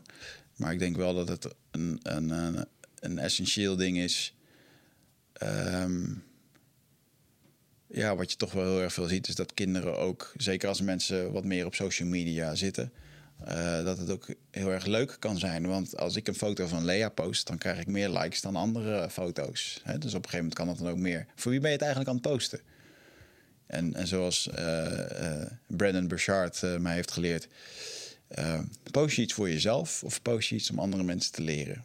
En kijk nou maar gewoon eens in je eigen social media account wat je de afgelopen tijd hebt gepost. En dan zie je toch dat een hele hoop heb je toch over jezelf gepost. En eigenlijk is dat niet meer dan, uh, ja, kijk mij eens. Hè? Uh, ondanks dat je er ook leuke bedoelingen mee kan hebben en dat dat prima is en dat dat hoort bij dit tijdperk. Um, maar ben je iets aan het posten voor je eigen ego of voor de missie? En ik doe dat ook al, lieve mensen. Kijk alsjeblieft op mijn social media account en je zal het zien. Af en toe heb ik ook wel eens momenten en denk, ja, dit vind ik tof. Ik ga dit gewoon even laten zien heeft niemand anders iets aan. Het is gewoon weer dat hij uh, iets leuks heeft gedaan en dat graag wil laten zien aan de wereld. Um, maar ik denk wel met een, uh, met een klein kindje dat uh, inderdaad, ze, ze, heeft er zelf niet voor gekozen. En um, het zou nu heel verleidelijk zijn om. ja, weet je, je, je hebt merken die bijvoorbeeld. jij krijgt meer van dit soort aanbiedingen. Merken die met jou willen werken of dingen die je toe willen sturen. Of voor Lea of wat dan ook. Ja. En je zou bijna kunnen zeggen, Lea kan als een commercieel asset worden ingezet. Ja. Um, ja. Uh, wat, wat vindt het kindje daarvan, weet je wel, uiteindelijk? Ja, ik geloof dat uh, de vraag uh, heel belangrijk is. Ja, hoe voelt het nou eigenlijk voor mij als ik dit doe? Hmm. Hoe voelt het nou? Dat is een vraag die ik me afvraag dan, of stel. we krijgen dan spullen thuisgestuurd. En, uh, ongevraagd, overigens. Soms. Ongevraagd. Krijg je een doos met spullen. Echt heel lief. Dankjewel ja. allemaal voor degene die dat ziet. En echt dankbaar ben ik ervoor. Ik heb dat ook nog nooit meegemaakt in mijn hele leven. Dat ik gewoon ja, zeker. spullen opgestuurd krijg. Of fanmail of dat soort dingen. Dat is echt prachtig. Maar hoe, voel, hoe voelt het nu voor mij om een kindje neer te leggen... en um, het product ernaast te leggen foto te maken en te vertellen dat daarnaast een uh, merk is met, met een geldbedrag ernaast. Mm -hmm. Of hoe, hoe voelt het voor mij als mijn kindje voor het eerst naar school gaat en ik maak een foto van de, de, dat wonderbaarlijke gebeurtenis. En wat, hoe voelt het nou eigenlijk voor mij om mijn kindje voor het eerst naar school te brengen? Spannend, ja, wow, ik vind het spannend. Ik ben ook stiefmoeder geweest, uh, vijf, zes jaar van uh, twee kindjes. Ik vond het zelfs al spannend om toen mijn stiefzoontje naar uh, zijn eerste dag school te brengen. Dat ik ook uh, een brok in mijn keel voelde, moest huilen. En dat ik dacht, wow, dit is echt intens. Ja. En daar gaat het om, weet je wel. Dat je bij je eigen herinneringen kan zijn, kan voelen hoe die herinnering was en herinneringen samen maken.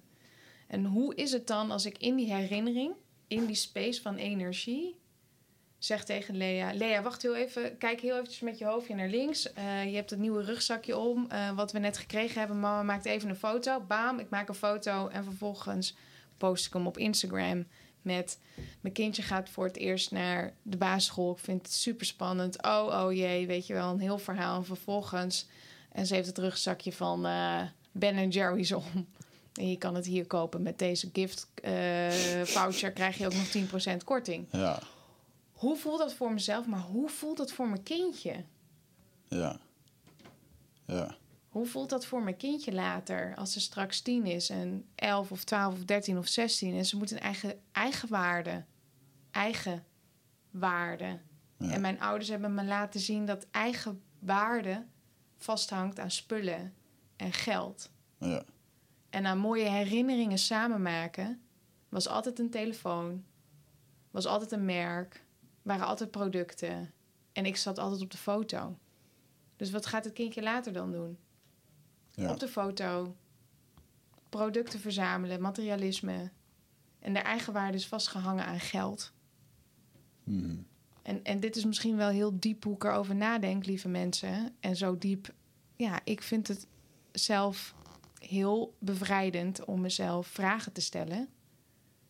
Van hoe voelt het nu voor mezelf en wat voor veld faciliteer ik met mijn gezin en met mijn kindje en wat voor herinneringen ben ik nu aan het maken en, en wat speelt er dan in die herinnering zich af? Ja. Of ga ik naar het bos? We gaan rennen door het bos, we knuffelen het bos, eh, we voelen het mos, eh, we mogen met de eh, nat worden, de modders overal. Mama staat daar lekker rustig, mama speelt mee, papa doet ook mee. En vervolgens drinken we een kop thee en eh, that's it. En mama heeft een foto gemaakt, want dat komt in een plakboek voor later. Net zoals vroeger met het, met het dingetje. Ja. Dat is één. Wat, ik, wat, wat het mij doet bewegen naar de keuzes die ik maak. En de andere beweging is, is dat heel wetenschappelijk gezien... zo'n fucking scherm de hersenen van mijn dochter helemaal niet aan kan. Andersom. Andersom. Ja. Dus de, hersen, mijn, de hersenen van Lea kunnen niet renderen wat voor straling daarvan afkomt. Oh, zeker als zo'n kleintje zelf met de telefoon rondloopt. En, Ja, ik bedoel, eh, en het is ook bizar, hè? Dat als je gewoon... eh Lea is echt gewoon een lekkere drukkermaker. Gewoon een gezonde, gezonde Hollandse meid. Maar zet je Frozen aan op een laptop voor de bank... en die zit gewoon een uur op de bank stil. Helemaal get- getuned, ge, noem dat? Gehypnotiseerd naar dat scherm te kijken. ja. En, eh, En dat hebben wij zelf ook als we ja, dat ding tuurlijk. Ja, zeker. Ik heb zelf ook uren voor die tv gespendeerd. En eh, echt, eh, ja...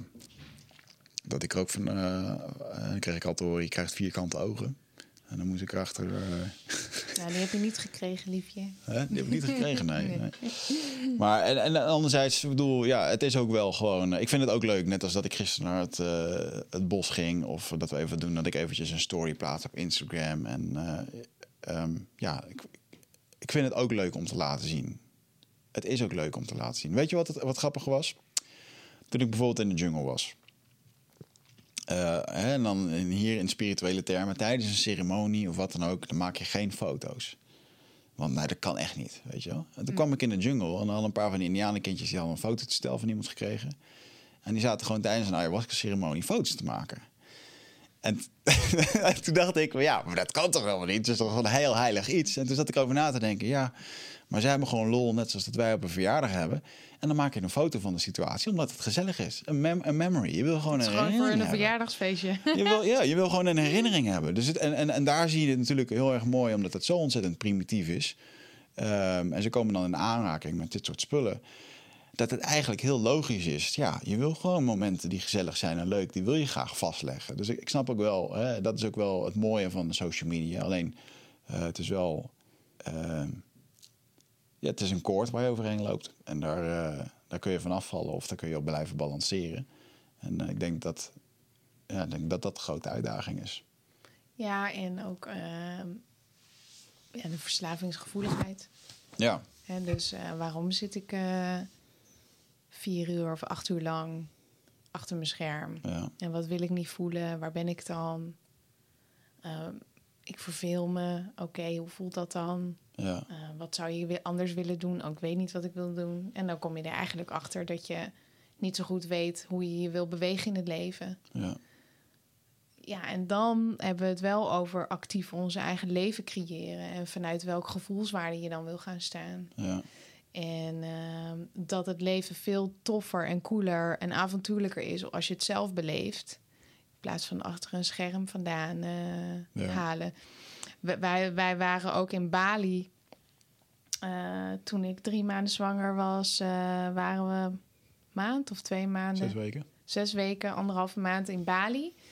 En eh, dat was mijn eerste keer. En toen gingen we naar een eilandje. Gili Gili. Gili-eilanden. De Gili-eilanden. En dat was echt, het paradijs was echt heel, echt waanzinnig mooi. Maar wat me ook opviel was dat als wij 's ochtends vroeg ons ontbijt kregen op het strand... eh, dat al die eh, medewerkers daar gewoon hun mobiel hadden... en gewoon de hele dag daar Ja. in het zand zaten te scrollen. En niet meer meekregen van... Nee. Nou, dat kan ik ook niet zo zeggen. Maar in ieder geval, ze zaten de he- hele dag te scrollen. Ah, maar dat zeiden ze er ook. Waarom? Van die gasten die kwamen van Lombok of van Java, die kwamen dan daar werken. Ja, En dan, eh, die zaten eigenlijk alleen maar te kijken naar op social media naar wat de buitenwereld allemaal te bieden had. Terwijl je daar op een eiland zit wat je in 15 minuten rondfietst. ja. En, eh, Maar ja. daar komt dus ook weer dat lijden vandaan van de mens. Dat onrustige van je zit alleen maar te kijken op social media wat een ander heeft. Ja, En ik heb het niet. Dus Ja. dat voelt kut. ja.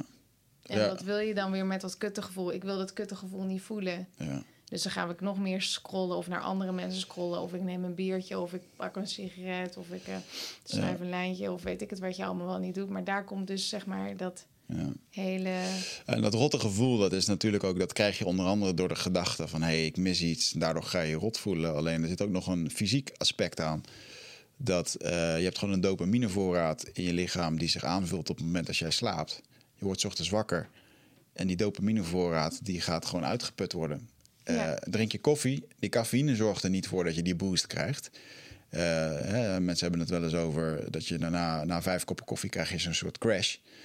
Ik heb te veel koffie gedronken. Nee, je dopamine is op. Want iedere keer als jij koffie drinkt, die cafeïne zorgt ervoor dat die dopamine vrijkomt. Dus dat kan je drie, vier keer doen. Dan wordt er drie keer op de knop geduwd. En daarna dan krijg je de crash. Oftewel, er wordt op de knop geduwd, maar er komt geen dopamine meer vrij. Ja. En hetzelfde doet een telefoon met al die likes en al dat rode. eh, er is een reden waarom alle eh, gevaarlijke en giftige dieren in de wereld bepaalde kleurtjes hebben, omdat ze opvallen. Nou, dat is dat rode eentje in WhatsApp.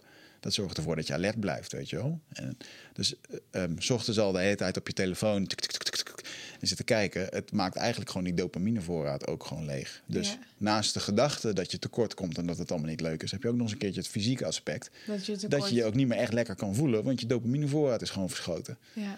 Je brein wordt gewoon letterlijk gefrituurd eh, met, met het, eh, met het vele schermen. Nou ja, daarom hebben wij dus geen scherm voor Lea. Ja. ja. En, ik, en weet je, en dat is ook wel weer, hè, want als je, als je mij hier gewoon, eh, ik kan hier gewoon acht uur lang achter mijn scherm zitten en dan kan ik gewoon zitten werken. En eh, ik ben ook echt een schermer wat dat betreft. Ja, Richard is wel echt een schermer. Ja, en eh, het liefst gewoon achter mijn computer, dat vind ik het allerfijnst. En, en inderdaad, ook als ik me onrustig voel of wat dan ook, dan zit ik ook, kan ik ook op mijn telefoon zitten. En ja, ik ben er geen heilig in. Ehm, ja. Ik weet ook nog niet zo goed wat ik ermee moet. Ik moet er wel wat mee. Ja. Minder, Nou ja. op, minder op scherm zitten. Ja. Minder op scherm zitten. Maar, ja, dat is, maar dat is dan ook wel weer de...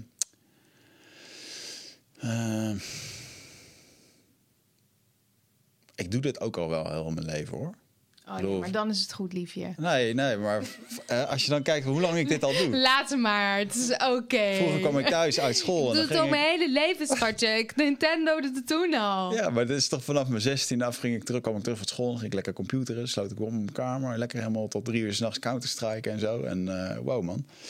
En anderzijds heeft het ook wel een goede ding gebracht. Ik Ik sprak vloeiend Engels toen ik eh, een jaar of 12, 13 was, omdat ik alleen maar Arnold Schwarzenegger en Sylvester Stallone zat te kijken. Dus ik kon allemaal van die toffe one-liners, die kon ik er zo uitknallen. Ik kon op vakantie beter Engels dan mijn ouders, weet je wel. Give me the groceries. Yeah, I'll be man. I'll be back. Dus eh, ja, nee, ja, goed. Weet je, het brengt ook een hoop goeds. Maar ik snap wel de. Wel mooi dat je er zo'n mooie deken overheen legt. Ja, misschien wel. Ja. Ja, Goed. het straks nog Zo is het over. goed, hartje. Hey. we, zijn, we zijn klaar. We zijn klaar met praten. Heb je nog andere dingen die je wil ehm, brengen in deze podcast? Heeft, heeft eh, het, de geboorte van je kindje ehm, je dieper spiritueel geopend?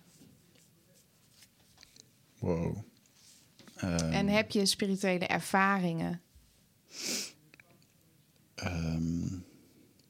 Nou, waar veel, eh, waar ik echt heel erg aan moest wennen was toen ze geboren was, dat ik echt voor mezelf had bedacht dat het een immense roze wolk zou zijn. Eh, wow, mijn nieuwe vader. En terwijl ik echt ervaarde dat ehm, de doula was nog met jou, letterlijk nog met jou bezig. En ik kreeg op een gegeven moment Lea in mijn handen eh, geduwd. Zo van, hier, eh, stop je pink maar in de mond. En, eh, Oh ja.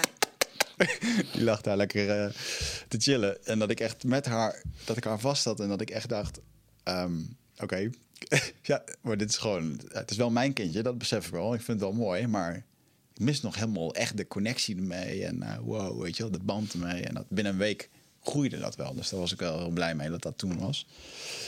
Maar ik had misschien verwacht dat het een soort van eh, bam, een soort van, ja. Dus ik vond het wel mooi. Maar ik heb wel in de dagen daarna heb ik wel heel erg ervaren van oké, toen kreeg ik wel echt gewoon met meer en meer een band mee door er dingen mee te doen en door het ja, te zien, door het vast te pakken. En eh, Door het vast te pakken. ja, die, die kleine alien even vast te pakken, weet je wel. En Gewoon, eh, Een kleine... ja, ehm, je moet elkaar toch even leren kennen. Dus ik bedoel, zij moest mij ook nog even leren kennen. Ze had mij ook nog nooit gezien.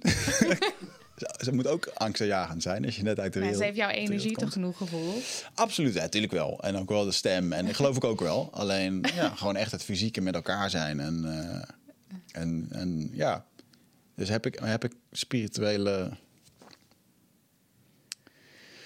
Ehm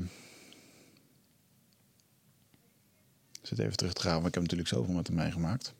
Ja, of ook los van haar. Heeft, heeft de verdieping, heeft het voor je verdieping gezorgd? En Jawel. heeft die verdieping jouw spirituele gaven? Ik weet, eh, wat, wat, zijn jouw spirituele gaven? En heeft dat het, zeg maar, eh, geëxpandeerd? Ben je daarvan, Hmm. eh, heb je meer ervaringen gehad? Ehm, nou, laat ik het zo zeggen dat de weg van spiritualiteit en persoonlijke groei, eh, die ik de afgelopen jaren heb afgelegd, die hebben er heel erg mee te maken met eh, het stuk vaderschap en eh, ja, hoe wil je jezelf voelen en ook überhaupt het voelen zelf aan zich al. En ik denk wel dat, het, dat, een, dat Lea dat wel heel erg heeft versterkt ook inderdaad. Dat je, het heeft me heel erg zorgzaam gemaakt. Het heeft me heel erg focus gegeven. Wat is belangrijk? Oké, dit is nu belangrijk. Ehm, even, even buiten eh, het praktische dat er, hey, er is nu een kind dat moet ook verzorgd worden, dus je moet nu keuzes gaan maken. Was er ook een heel duidelijk gevoel van, ja, maar, maar welke keuze ga je dan maken? Ja, daar hoeft je niet over na te denken. Dat was gewoon eh, het zorgen voor. Ehm, het, eh, het zorgen voor heeft denk ik ook wel iets voor mij gedaan. Ik denk dat ik diep van binnen wel moeite had om te zorgen voor anderen. Omdat er vaak voor mij werd gezorgd. Of dat ik, eh, dat, ik dat eng vond om voor anderen te zorgen. Ehm, want dan, eh, ja, dat, drukt bij mij, dat drukte bij mij op allemaal emotionele knoppen eh, vanuit het verleden. En dan denk ik wel dat, ja, dit heeft me wel ontzettend veel gegeven. Dat Lea is gewoon afhankelijk van ons. En door, ja, door daar verantwoordelijkheid over te nemen en om daar gewoon lekker in te groeien en daar een weg in te vinden, heeft me dat wel heel veel gegeven, ja.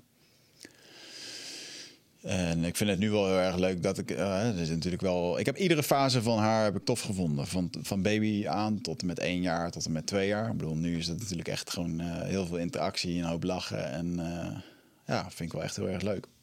Maar ook de fase dat ze gewoon vier keer per dag eten nodig had en verder alleen maar sliep, vond ik ook gewoon heerlijk. Vond ik ook leuk om te. Dus ik, eh, het vaderschap is het, eh, is het. Ja, heeft me wel de meeste rijkdom gegeven voor wat ik voel, heb gevoeld in mijn leven. Ja, dat denk ik wel. Dus daarin heeft het me heel veel eh, gegeven. En ik kijk nog wel uit naar. eh, ja, kijk wel uit naar de komende tijd. Leuke dingen samen doen en zo. Kijk wel uit om haar mee op avontuur. Daarbij heb ik, merk dat ik daar nu heel erg naar neig. Ik wilde mee op avontuur nemen. Ik wilde gewoon de wereld laten zien. Ik wilde toffe dingen laten doen. En eh, ook al is ze nu pas twee jaar, eh, je ziet gewoon hoe dat ze reageert op. eh, ook al is ze in de supermarkt of is ze ergens anders. Je ziet gewoon dat ze reageert op de omgeving. Dus ehm, ja, gewoon zoveel mogelijk overal mee naartoe nemen en zoveel mogelijk laten zien. Ik denk dat dat heel gezond is. Dus dat is denk ik het doel voor, de komende, voor het komende jaar. Oké. Ja. Wat is jouw doel voor het komende jaar?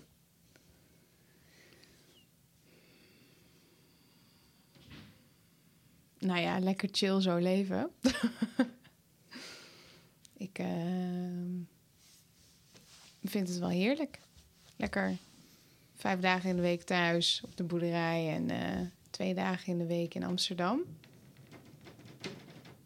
Ja, veel, veel met Lea zijn, veel, veel herinneringen maken, veel herinneringen maken samen. Eh, ik vind het ook fijn om zoveel tijd samen te hebben nu. Ja, misschien wat vaker eh, zelf er ook op uitgaan. Ja, vaker me-time. Ja, misschien wat vaker. Gaan we, gaan we weer eh, gescheiden wonen overigens? Nou ja, dat was, wel, eh, dat was wel een intentie, ja. Dus misschien komt er wel een tijd dat... ja, ik, eh, ik twee dagen in de week of zo, of twee keer eh, twee dagen in de week in de twee weken, om de twee weken naar mijn huisje in Amsterdam ga. En eh, dat Lea dan om de zoveel tijd met me meegaat. Ja. Het lijkt mij heel, heel, heel tof om haar ook herinneringen en ervaringen mee te geven van ehm, alleen met mama zijn. Ik weet nog wel, ik ben, ik ben een van de tweeling. Wij waren altijd samen. En ik weet nog wel dat ik zes, dat ik 27 was, dat ik voor het eerst alleen met mijn moeder naar Parijs ging. En ik weet nog dat ik dat zo heerlijk en bijzonder vond. Mhm. Ik vond dat zo'n bijzondere ervaring. Ja. En ik vond het zo heerlijk om, alle- uh, om alleen uh, mijn moeder voor mezelf te hebben. Heel, om het gewoon even zo te zeggen. Mhm. Vijf dagen of vier dagen, vijf dagen alleen met mijn moeder zijn. Ja. En eh, praten, eh, wijn drinken, eh, slenteren door die straatjes. Ik, eh, ik realiseerde me ook op veel vlakken dat ik heel erg op mijn moeder leek. Met, met gewoon open de stad ingaan en zien waar we uitkomen. Ja. Dat mijn moeder ook zo gewired is en zo'n instelling heeft. Terwijl mijn vader bijvoorbeeld, die heeft een hele andere kant. Met mijn vader ga ik ook vaak alleen op vakantie. Die is echt van de kaart. Ja. En we gaan van A naar B. En, en daar voel ik me ook heel prettig bij. Weet je, dat mijn vader ook zo is. Mhm. En eh, daarin voel ik dus de leiderschap van mijn vader heel erg. En dan kan ik dus heel erg dochter zijn of kind van. Ja. Maar het alleen zijn met mijn ouders en tijd spenderen alleen met mijn ouders, dat kende ik van vroeger niet. En dat heeft het mij, eh, dat heeft mij echt zoveel waardevolle herinneringen meegegeven. En ook een heel ander gevoel naar mijn ouders toe. Mhm. En eh, mooie gesprekken, bijzondere gesprekken, open gesprekken, kwetsbare gesprekken, eh, lachen, eh, verdwalen, tukken samen. Weet je wel. Mhm. Echt mooie, mooie, mooie momenten. En ik zou dat graag Lea ook mee willen geven. Maar dan iets jonger, weet je wel. Ja, je hebt ook alleen een mama. Ja. En mama is ook alleen zonder papa. Weet je wel, niet dat... Mama Ja. en papa zijn altijd samen. Nee, er is ook alleen een mama en er is ook alleen een papa. En hoe vet is dat? Ja. Dus eh, ja, misschien is dat wel een doel om er een keertje mee te nemen naar Amsterdam dit Ja. jaar. En een week of vier of zo. ja, Schermen! gamen! Gaan we lekker een, eh, gaan we land bij ons thuis houden? Ga ik vier weken lang eh gaan computeren. Top, veel plezier. Alleen maar jullie. Schermen. Ja. Mooi. Mooie dingen. Ja, nou, Ja. ja, Dus we doen het goed. dankjewel. Dankjewel. Dan ehm, gaan we deze langzaam afsluiten. Ehm, voor de school. Jij doet veel online meditaties nu in het eh, coronatijdperk. In Nou, het coronatijdperk Nou ja. eh, zijn de deuren dicht. En door mede dankzij de corona groeit de bewustzijnsschool wel lekker gestaag door. Dus Ja. daar ben ik echt onwijs blij mee van, vanwege de creatieve tijd en vooral de inzet van de teachers. Ehm, zijn we nu online lessen gestart. Ja. Dus we doen nu online lessen. Dus die kun je gewoon op de website vinden. Of onze Instagram-account volgen van de Bewustzijnsschool. We posten ook supercoole quotes, info, filmpjes. Heel veel waardevolle content. Ook hoe je deze tijd door kan komen. En hoe je het kan zien als een kans en groeien. En liefdevolle verbinding in plaats van Mhm. the other side around. ja. Dus ja, dat heeft... eh, dus check it out. Check it out. En je boek? Mijn boek, ja... Blijven ademen. Mijn boek die eh, komt hoogstwaarschijnlijk eind december uit. Ja. En die wordt dan hoogstwaarschijnlijk gelanceerd eh, tijdens de New Beginning. Dat is het oud en nieuw feest eh, van de bewustzijnsschool. Die geven we in kerken heel groot met best wel veel mensen, met 400, 500 man. Maar dat, da- daar ga ik nu nog niet een harde ja op zeggen. En hoe is het met jouw boek? En eh, we zien jullie volgende keer bij de volgende uitzending. Nee, ja, ik ben eh, bezig met het laatste hoofdstuk. En eh, ik ben nog even in onderhandeling met een en ander. Maar ik wil, mijn doel is september om dat te lanceren. Ja. En gaat dat nu lukken met de corona? Dat is wel een hele goede vraag. Ehm, eh, laat ik, ik, het, de gedachte is me niet ontschoten dat het ontzettend vervelend zou zijn dat je nu je boek lanceert, omdat je dan gewoon niet eh, tussen de coronabende doorheen komt, omdat het continu daarover gaat. Ehm, Nee, corona-bende, Wichert. Nou, eventjes in de zin van wat het, hè, de corona, het gaat alleen maar in de media daarover. Dus het is heel lastig om daar tussendoor te komen. Mhm. En eh, dus ja, dat, ik neem het wel mee in de overweging. Is dat het juiste moment? Of wordt het misschien een maand later? Of, eh, maar goed, dat, is- dat is bijzaak. Het boek moet er gewoon komen. En het is niet voor één maand bestemd. Het is gewoon eh, voor altijd bestemd. Dus eh, ja, we zijn, er een einde, we zijn er een einde aan het aan het maken. Dus it's happening. Yes. It's coming together. Dat is ook wel een hele bevalling voor jou. Ja, zeker wel. Ja. ja, het is misschien wel een van de meest confronterende dingen die ik heb gedaan. Doe. Ehm, ook omdat er gewoon nog, nog zoveel omheen gebeurt. En eh, ook in het ondernemen, in het gezin. En eh, mijn schrijfstijl is heel erg. eh, ik schrijf toch de beste stukken als ik hier inderdaad dus acht uur lang achter mijn scherm zit. Twee uur lang zit te denken wat ik ga zitten schrijven. Het probeer, het niet lukt. En dan in één keer het gevoel heb, die full focus waar jij in een seconde in zit. Om dan gewoon drie uur lang te rammen, heerlijk stuk te schrijven. En, en toch val ik, val, val ik vaak daarna ook nog wel eens in de valkuil om daarna toch nog te proberen om daar weer opnieuw in te haken, wat dan niet meer lukt. En dan, ja, dan is de dag voorbij. Maar dat zijn wel de dagen dat ik mijn beste eh, stukken, stukken schrijf. Ja. En het liefst eh, ja, eh, moet je daar toch dagelijks op die manier mee bezig zijn. ja. Dus ehm, eh, Nou, door je doorzettingsvermogen en discipline komt het er wel. Dus dat is wel heel bijzonder. ja, zeker wel. Ja, ja, het is wel echt een, voor mij is dat echt een bevalling. Ja. Dit boek is mijn Lea. en die lukt niet in drie keer. dus eh, ehm, ja, het is zeker wel mijn kindje, ja. Maar anderzijds ook wel, weer, eh, ook wel weer heel, eh, heel goed dat het gewoon... het gaat nu gewoon komen. En ik ben... ja, ik, ik heb al heel vaak gezegd... dit boek gaat me alles geven wat ik, wat ik voor ogen had. Dus ehm, we gaan ervoor. Dankjewel, liefje, dat je er was. Dankjewel. Kom vaker langs, zou ik zeggen. Ja. Eh, dan praten we ook nog een keertje buiten onze eh, relatie ja. hier in de podcast. En eh, heel erg inspirerend wat je allemaal aan het doen bent. Ik denk dat een hoop ondernemers en vrouwelijke ondernemers, maar ook mannelijke ondernemers, ehm, eh, ja, met heel veel bewondering naar je kijken over hoe je de dingen doet. En ehm, een voorbeeld aan je kunnen nemen. Eh, eh, ik denk dat, denk dat je voor, voor sommige mannelijke ondernemers die mij bijvoorbeeld volgen, het bezield ondernemerschap en dat soort dingen. dat klinkt dan misschien niet helemaal in de taal zoals, zoals zij dat snappen. Maar uiteindelijk, wat je gewoon heel erg goed verwoordde gisteren in een filmpje bij Sunny, wat, die jou had geïnterviewd is, is geluk maakbaar. Waarin jij zei, ja, geluk zit hier op de stoel en de weg ernaartoe is maakbaar. En, en het gaat dus allemaal over het, over het zijn. Dus dat bezield ondernemerschap. Hoe jij dat leeft en hoe je dat eh, bij je draagt, continu inderdaad. Ja, dat vind ik heel erg bijzonder. En er kunnen nog heel veel ondernemers kunnen daar wat van leren. En ik denk de meest simpele manier om dat te verwoorden is door, het, door gewoon, ja, je bent het echt op je gevoel aan het doen. Ja. En eh, ja, dat is een gave. Dankjewel. Dankjewel voor je komst. Ja. Luisteraars, tot de volgende keer. En ehm, geef je eventjes op eh, op www.eindbazen.nl voor onze nieuwsbrief.